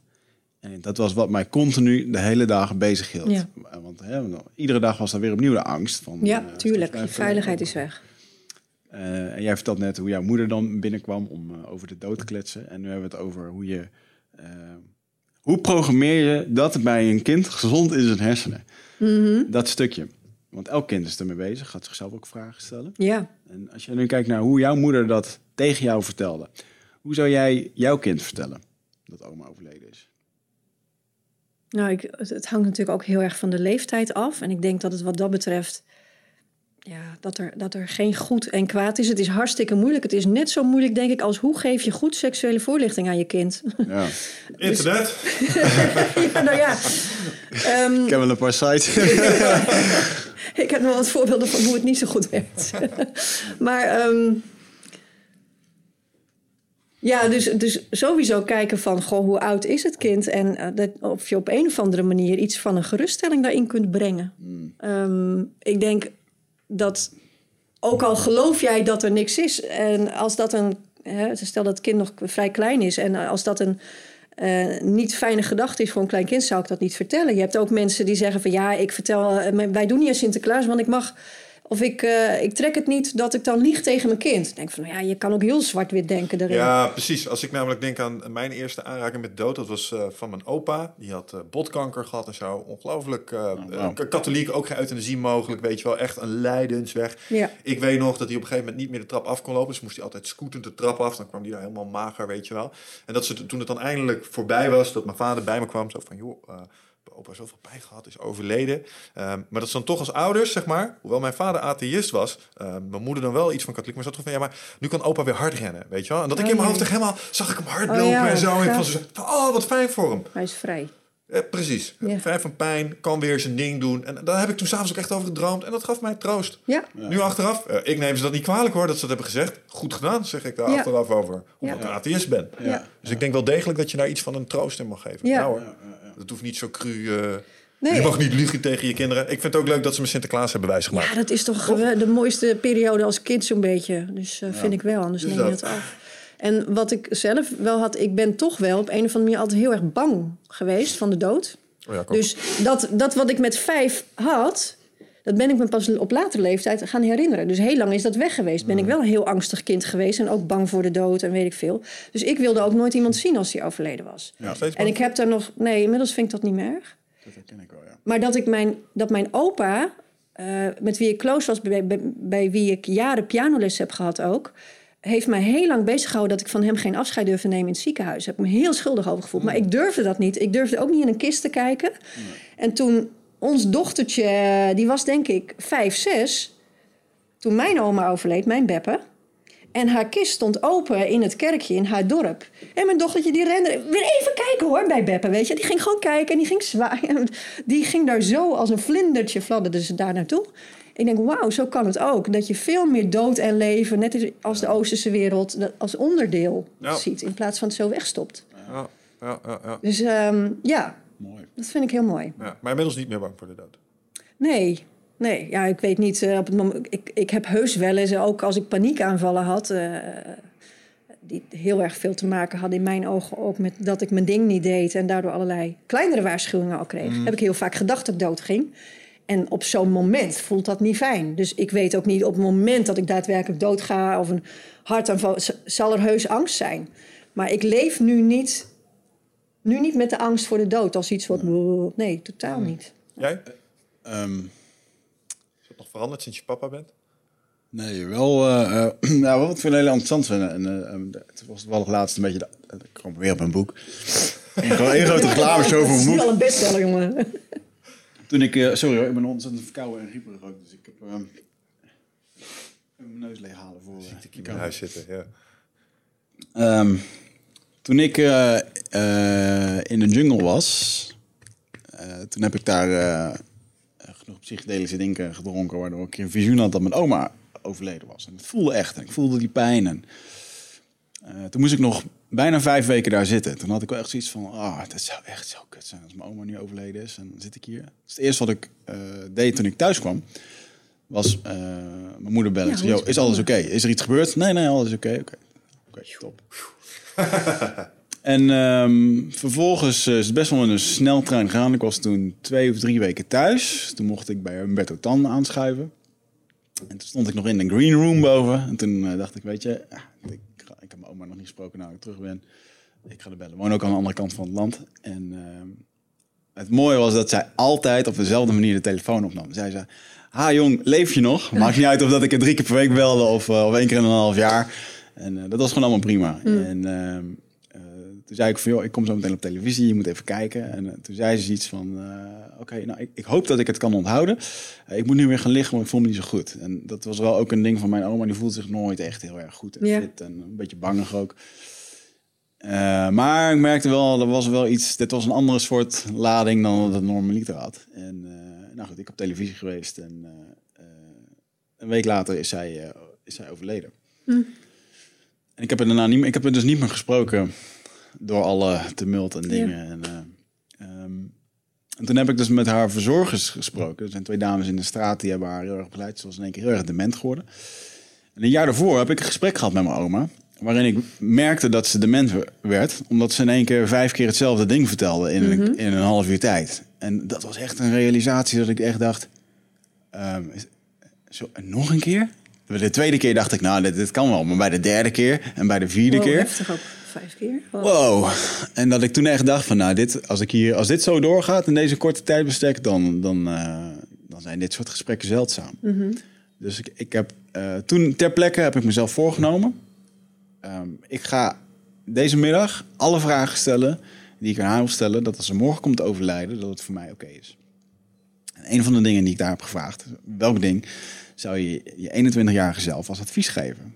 En toen eh, was het echt heel erg van, joh, je, eh, doe wat je leuk vindt en daar moet je 100% voor gaan. Super cliché, maar zoals mijn omaatje dat als op de wijze manier zei. En, eh, toen hebben we het ook over de dood gehad. Ben je bang voor de dood? Nou, ze, ja, dat vond ze dan. ik geloof niet dat ze daar een heel helder antwoord op. En toen vroeg ik heb je, heb je het idee dat er iets is na de dood? En dan was ze heel resoluut in. Zei ze, nee, Nina, het is hier gewoon klaar. Het is hier op aarde en dan klaar. En mijn gedachte was toen, ik ben, denk daar heel anders over. Ik denk, ja, nou, jij staat nog een mooie achterbaan te wachten in het universum straks. en ehm, het grappige was dus dat op het moment dat zij eh, overleed... toen zat ze dus vol in die dementie. En heeft ze tegen haar verzorgers... Nadat ik haar heb gebeld, is zij gewoon naar bed gegaan. En de volgende is ze wakker geworden. En toen, het eerste wat ze zei, zegt... Nou, ik, ik weet nou niet of het echt is of dat ik heb gedroogd... maar ik zag Wigert op televisie. En die verzorgers, die hadden mij wel op televisie gezien... maar die wisten dus dat zij het niet had gezien. Dus eh, zij had ergens in, in dat telefoongesprek... is dat helemaal een soort van weer maar... Maar goed, ze heeft het wel meegekregen op haar manier. En ehm, eh, vervolgens is zij eh, die, die avond overleden. En ehm, wat die verzorgers vertelden was dat... Die hebben echt haar laatste adem zien uitblazen. Ehm, is dat zij in de laatste momenten eh, hardop aan het praten was... tegen de overleden ouders, de zus en de, en de man, mijn opa. eh, dat die er aan het opwachten waren. En dat zij het heel erg moeilijk vond om naar die overkant te gaan. Ik krijg er nu nog kippenvel van als Ja. ik het heb. Ja. En ehm, ja, dat, eh, voor mij was het eigenlijk alweer een bevestiging wat ik heel vaak in, mijn, in alle ervaringen heb mee mogen maken. Ehm, en toen dacht ik eigenlijk, ja, eigenlijk, het- eigenlijk, eigenlijk heb ik ook wel het mooiste afscheid kunnen geven aan mijn oma. Want het laatste wat ik met haar heb ge- gedeeld, eh, wat ze te horen heeft gekregen van mij, ehm, is haar advies. Doe wat je leuk vindt en ga er 100% Ja, voor. super. En dat is absoluut wat ik daar heb mogen doen. ja. Ja. Mooi. Dat voel ik nu. Ja, ja Echt mooi. heel mooi. Ja. Ja. Ja, het leven blijft in dat opzicht eh, interessant. Ik, ehm, ja, ik herken dat. Ik vind... Dicht en ik hebben een bepaald pad bewandeld. Ehm, misschien wel eens iets van de podcast gehoord als het gaat om eh, ayahuasca. En dood was voor mij ook altijd een eh, heel groot thema. Ik heb meerdere grootouders zien wegvallen. En zelf was ik ook altijd als de dood voor. Echt, echt letterlijk in die zin. Omdat ik het... ehm, nou ja, ik dacht er een beetje hetzelfde over als de oma van Wiggert. In die zin van, joh, het zou maar zo eens kunnen zijn dat dit het enige is wat het is. En het lijkt mij dan zo verschrikkelijk als je dan weet, dit zijn de laatste momenten. Ja.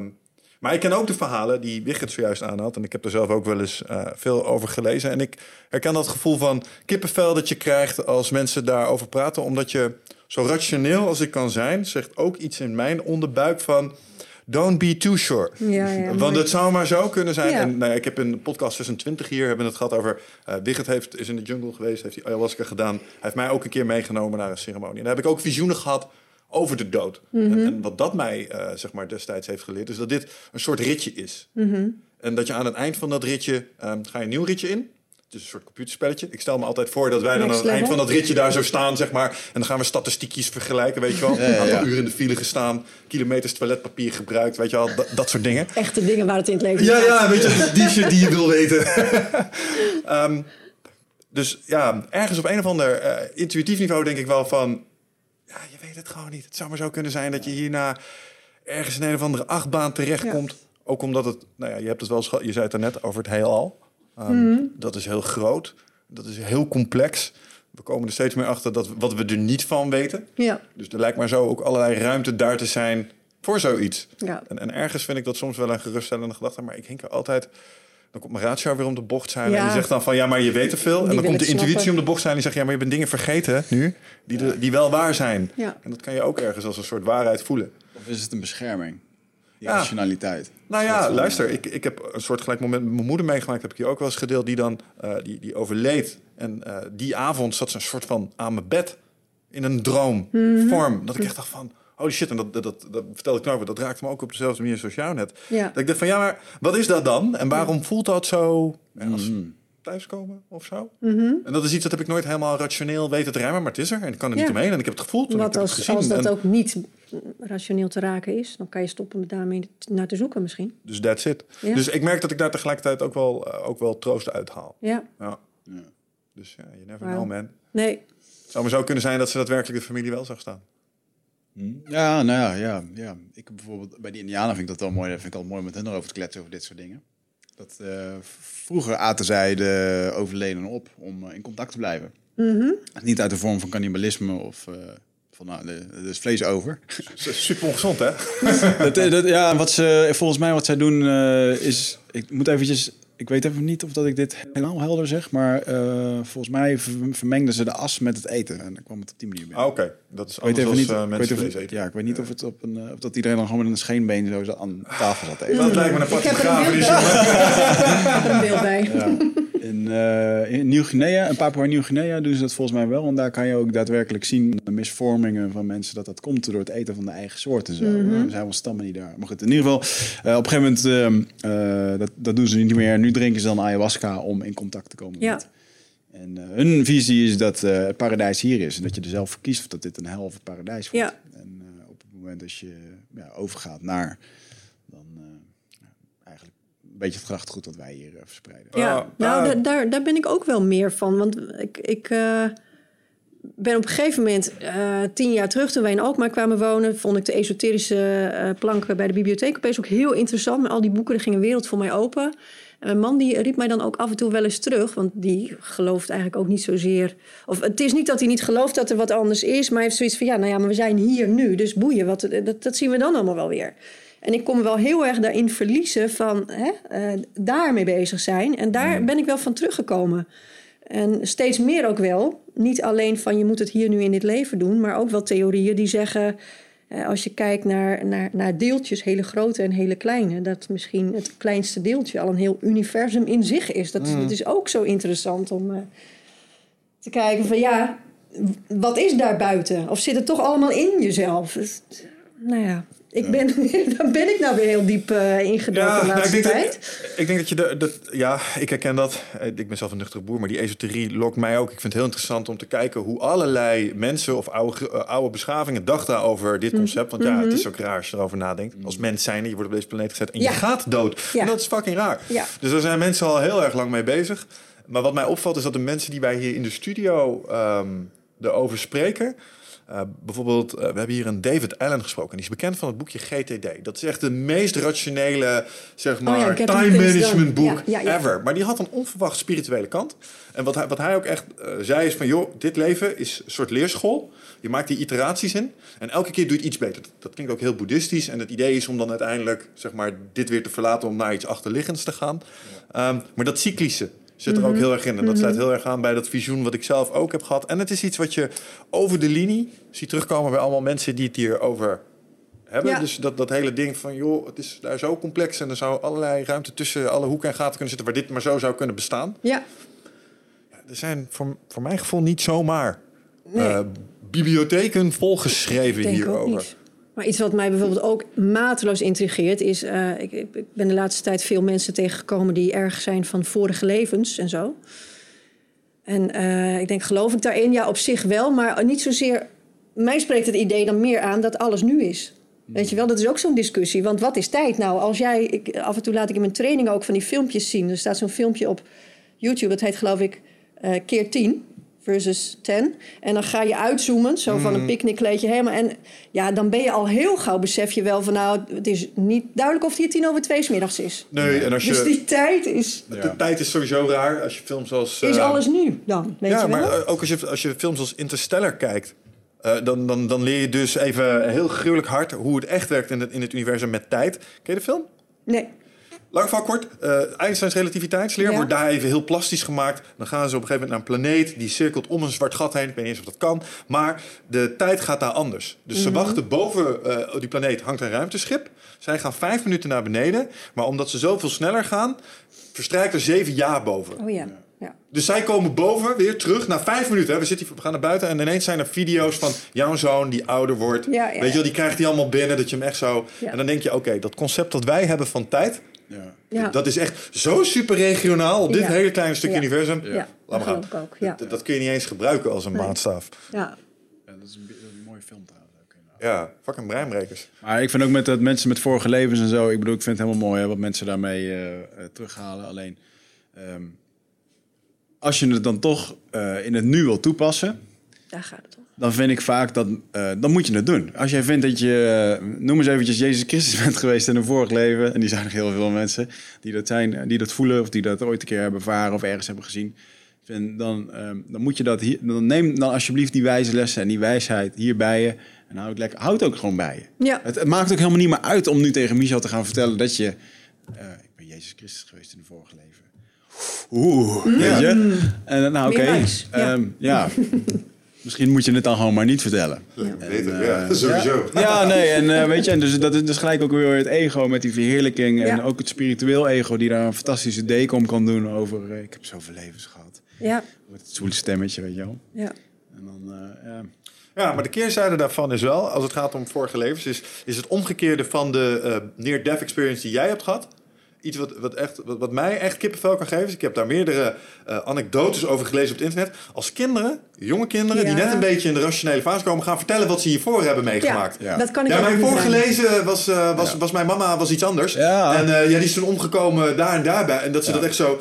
Dat je en te traceren data ook dan. Hè? Weet je wel, dat vind ik interessant. En dat zou je bijna als bewijs kunnen opvoeren voor dat het wel degelijk zo is. Ja, wat, ik, wat ik dus laatst las over een, een andere stam in Afrika, is dat de kinderen worden opgevoed door de grootouders. Want de kinderen komen uit het astrale en de grootouders die gaan naar het astrale toe. Oh. Ja. Dus om die connectie weer met elkaar, dan kunnen ze daarvan leren, kunnen ze die informatie meenemen. En op een gegeven moment, want wij vergeten dat op een gegeven moment. Ja, ja makes sense.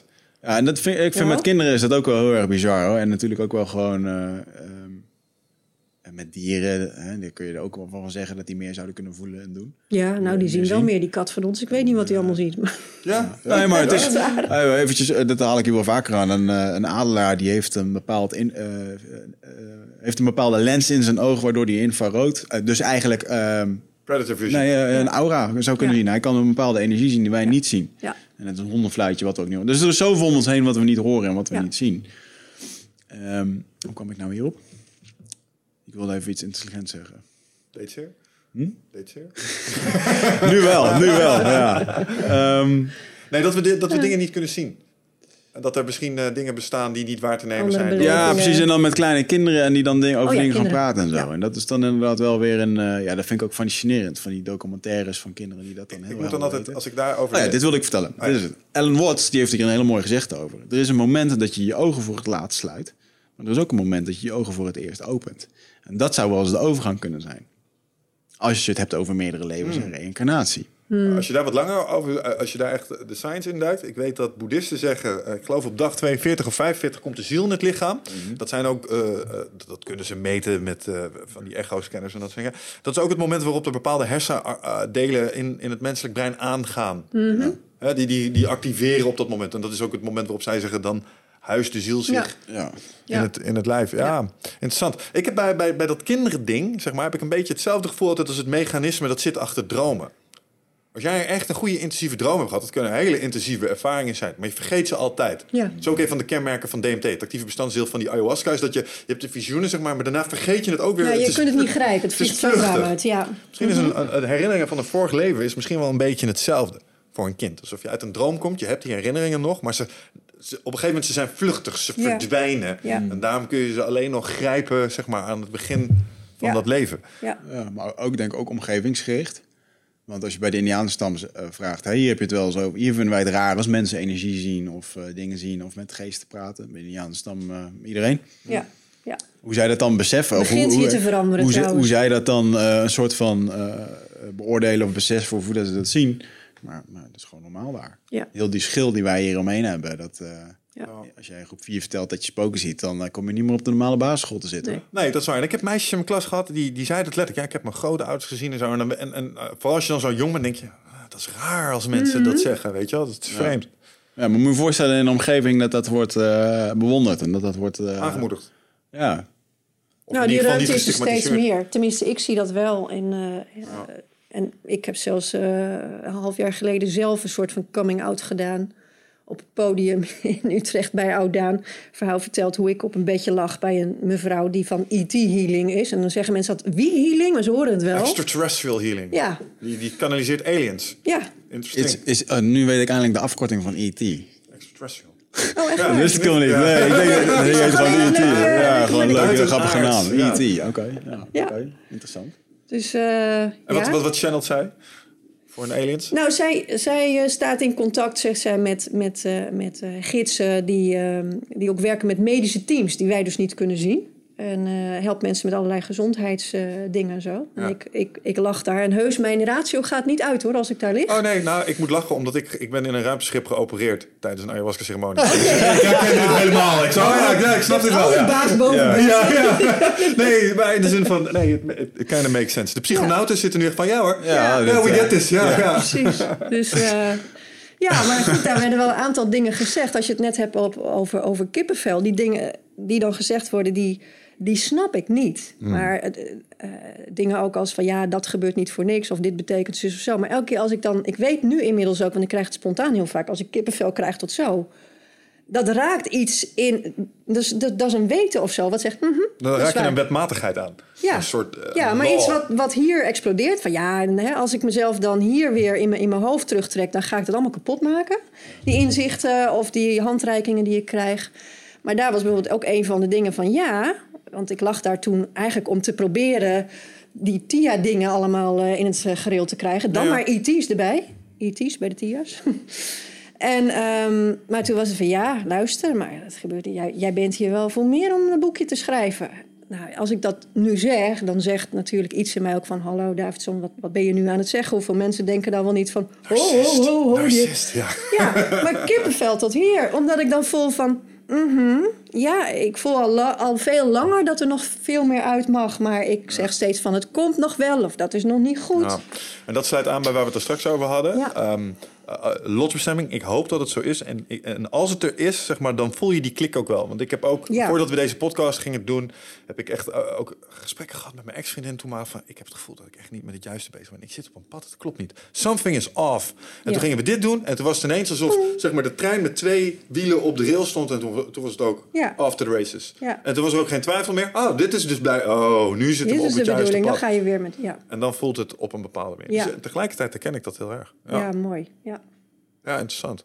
Wat, wat ik ook leuk vind om te constateren is dat als je eh, dan over al die eh, mensen heen kijkt, die dus bijvoorbeeld van jouw oma tot allerlei wijsgeren, is dat ze toch ook allemaal wel terugkomen op het. Maar het is nu wel, hè? Het is wel, zeg maar, wat jouw echtgenoot ook zegt. Het is here and now. Dus Ja. tegelijkertijd moet het ook wel nu Ja. gebeuren. Want deze ervaring is niet om dood te gaan. Deze Nee. ervaring is om alles mee te maken voordat je. En dat is voor mij wel zweverig, want ik, word, ik, ik, ik heb heel lang ook niet over dit soort onderwerpen durven praten. Want ik ben natuurlijk een nuchtere Friesin, hè, met vroeger het bekkie naar beneden, wat waarschijnlijk eh, in het Friese bloed zit, zeg jij, maar dat wat ja. ik niet geloof. dus ehm, Als je volgende keer bij de bananen in de supermarkt gewoon zegt... ik zie dode mensen met dat gezicht... dan heb je meteen een goede reactie. Ja, ja, ja dat gaat een gesprek opleveren. Ja, wat maar is je- wat te zweverig? Nou, nee, ehm, ik was bang om zweven, om niet meer geloofwaardig te zijn als ik het hierover heb. En eh, daar ben ik nou ook een half jaar geleden mee gekapt. Want ik merkte, hoe meer ik eh, dat soort dingen die ik wel voel verzwijg, dan word ik zieker. Ah, Dan word ik vermoeider. Ja, ja. Eh, dan lukt het allemaal niet meer. En als ik dan toch die spanning opzoek en het toch ga doen. Ik doe het toch, hartstikke eng. Maar dat voelt dan wel bevrijdend. En daarna is het ook, verdwijnt eigenlijk relatief snel de weerstand en de kritiek. En kom ik op een soort van, oh, maar nu ben, nu ben ik in een realiteit beland waarin ik als deze versie van mezelf nu weer verder kan. En elke keer is het alsof ik weer uit een doosje tegen een plafond aan zit, zo weet je wel. En dan moet je weer ergens doorheen breken en dan ploef. En ehm, ja, dat vind ik gewoon wel heel fijn om te merken. Dat de angst die ik voorheen betitelde als... ja, ik ben bang dat ze me als zweverig zien. Dat zweverige vind ik niet zweverig. Ik vind het niet zweverig als mensen andere realiteiten benoemen of zo. Ieder, ieder zijn ding. Ik heb zelf ook denkbeelden die, die heel veel mensen niet snappen. Maar is dat zweverig?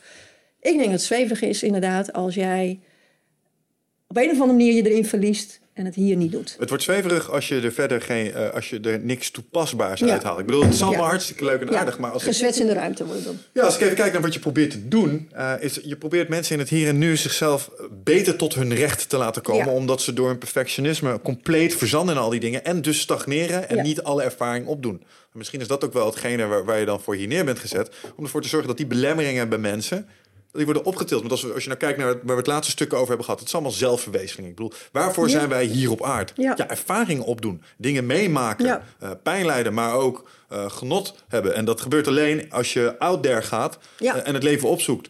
En een boel mensen doen dat niet, omdat ze nou ja, door allerlei zelf opgelegde beperkingen, zoals on- Ja. onzekerheden, Of door anderen opgelegd, gewoon ja. vastslaan. Dus ze Ja. stagneren. Nou, Ja. en dan ben je, en dat is denk ik ook een ding waar ik boos om kan worden. Als ik mensen niet het zakje met minuutjes dat ze hebben, zie inzetten. Mhm. Weet je wel, dat ze het gewoon we- op RTL Z kijkend, borrelnootjes etend, gewoon dag na dag wegmieteren. Ja. Dat, dat voelt als een soort doodzonde, want ja, stel het is alleen maar dit. Ja, Holy shit, wat zijn die minuutjes dan waard? Dat kun je toch niet uitdrukken in geld? ik ben daar niet meer boos om, want daar, daar ging ik zelf dan ook aan onderdoor. Potverdij- Weet je wel. En Schiet dan, nou eens op, weet je wel, dat gevoel, ja. Dus dat doe ik niet meer, maar ik zorg wel.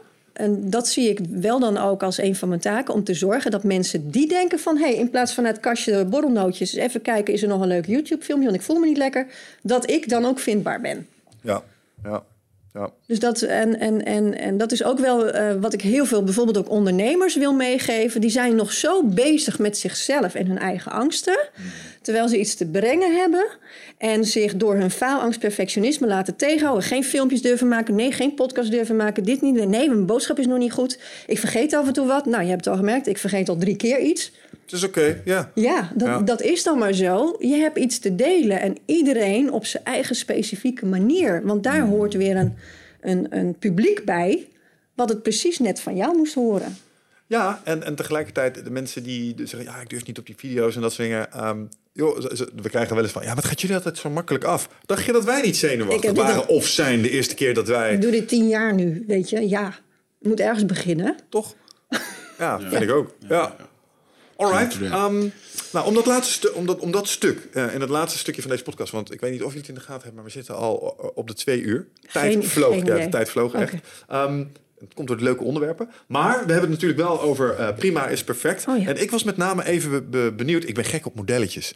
En, Oh ja. ik, en ik weet dat jij een methodiek hebt eh, eh, zeg maar, gemaakt Hmm. om dit iets te counteren. En ik zou het wel heel cool vinden om daar inhoudelijk nog even een klein stukje in te doen. Natuurlijk Ja. moeten mensen het boek kopen als ze het allemaal echt willen weten. Maar de cliff notes zijn misschien wel aardig. Oké. Wa- Wat is een goede aanpak om, eh, als je naar luistert, denkt, ja man, dit is echt waar. Ik, ik moet ook aan de bak en dat perfectionisme loopt mij voor de voeten. Ja. Wat is laaghangend fruit? Hoe pak je dat aan? Nou, dan kan ik toch het beste, eh, de prima-methode even uitleggen waar die letters voor staan. Want mensen zeggen van, hé, er zitten puntjes tussen die eh, letters. Ja, dat klopt, want het is een afkorting. Ja. En eh, het allerbelangrijkste, en daar begint alle, alle verandering mee, is bewustwording. De P van wat is mijn probleem? Je kan bij mij dan ook zeggen, wat is mijn, waaruit bestaat mijn perfectionisme? Dat is ook een P, maar wat is het probleem?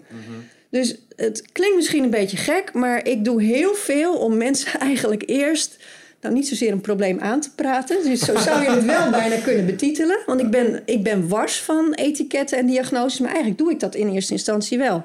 Ik geef een definitie. Kijk, als je perfectionistisch bent, dan kun je niet eh, goed eh, nee zeggen. Het is nooit goed genoeg. Het glas is altijd half leeg. Nou, er staat een hele rij in mijn boek. Oh, is dat perfectionisme? Oh, dus ik heb eigenlijk een probleem. Dus dat is de P. Als je niet weet dat je eh, alcohol voor jou een probleem is, ga je natuurlijk nooit Ja. afkicken. Dus dat is de P. Dan heb je de R van waar wil ik heen? Resultaat. Stip op de horizon. Oké, perfectionist wil meteen de magic pill voor alles. Ik wil Astrid, vertel mij hoe wordt mijn leven perfect. Ik wil wel blijven wie ik nu ben liefst. Want ik ben wel een controlfreak, ik vind het fijn. Maar het moet allemaal, dat kan niet. Dus wat wil jij? Waar wil je heen? Wil je, wil je ander werk? Wil je een andere relatie? Wil je liever zijn voor jezelf? Bepaal een resultaat. Ik denk, daar houden we het een beetje behapbaar. Nou, de I staat voor inspiratie. Ehm, als je nooit jezelf blootstelt aan wat anders dan de series die je altijd al bekijkt op Netflix, krijg je ook geen nieuwe toegang tot. tot hè, kan, kan het niet openbreken. Dus eh, zoek inspiratie. Lees bijvoorbeeld een boek of eh, abonneer je op een leuke podcast van Eindbaas of weet ik veel. Ik denk dat jij de wijsheden onderschat die ik uit Family Guy eh, haal. Die ik op autorepeat op Netflix heb staan. Ja, ik, maar ik zei bepaalde series. Ja, nee, grapje. Ja. dus, ehm, inspiratie. En dan eigenlijk de M is waar het boek om gaat. Dat is alles wat ik in, eh, in mijn opleiding NLP heb geleerd qua mindset. eh, veranderende technieken, die worden in die M helemaal uitgelegd. Mooi. En mindset eh, wil ik toch ook nog even benadrukken. Voor mij is dat niet positief denken. Wordt ook heel veel. Ah, moet je gewoon je mindset veranderen. Weet je wel? Gewoon eh chakka. Nee, maar meneer Chaka, die weet ook dat daar een hele wereld onder zit. En eh, eh, dat, dus dat wordt heel gauw in het hoekje, dat heeft hij volgens mij zelf ook gezet, van hè, een bepaald beeld van gewoon eh, schouders eronder en gaan. Nee, dat is echt dat visualiseren, eh gevoelsomdraaitechniek. Nou, de meest beproefde technieken die ik van die Amerikanen heb geleerd ook, zitten daarin. Waarmee je dus je eigen default instellingen kunt veranderen. Mooi. Ja. En dan de A. Ja, ik, ik moest ook nog wat erachteraan natuurlijk. Actie. Ja, Ja, oké. ja, mooi. Ja, maar het is ook het belangrijkste. ja daar is ook logisch. Want Ja. als je daar stopt, denk je, nou, ik heb het toch gedaan. Nee, maar dan begint het pas net als met eh, autorijden. Mooi. Dus dat is hem. En als mensen hier eh, meer over willen weten, kunnen ze natuurlijk ook eh, bij jou terecht in je podcast. En ik hoorde Ja. dat je ook redelijk fanatiek bent op Facebook met artikelen en dat soort dingen. Dus, Ja, en waar ik het, eh, eh, wat ik nog wel eventjes wil, wil aangeven wat ik doe, wat voor mensen misschien wel leuk is om te, want ik geef heel veel weg. Gewoon ook, eh, en dat, dat is niet dat ik alles weggeef. Mijn ouders zitten daar wel eens over in. Oh, maar Astrid geeft alles al weg. Maar dat is vanwege die P, de bewustwording. Dus ik geef echt niet alles weg. Ik heb echt nog wel een business Ik help je alleen aan een probleem en daarna wil ik je ermee helpen. Ja. Nee, maar ehm, om gewoon te gaan herkennen wat er, wat er eh, bij je speelt. Om ook bijvoorbeeld met je eigen psycholoog of therapeut echt tot de kern te komen. En niet alleen maar ervaringen uit te wisselen die niet dieper komen. Helpt het als je zelf inzicht hebt en weet wat er bij jou aan de hand is. En ik vind het superleuk om niet alleen podcasts te maken, maar ook eh, webinars te geven. Ja. En eh, drie keer per jaar, hij komt er nou weer aan. Ik weet niet, dat is misschien al geweest als we deze uitzenden, weet ik niet, 24 september.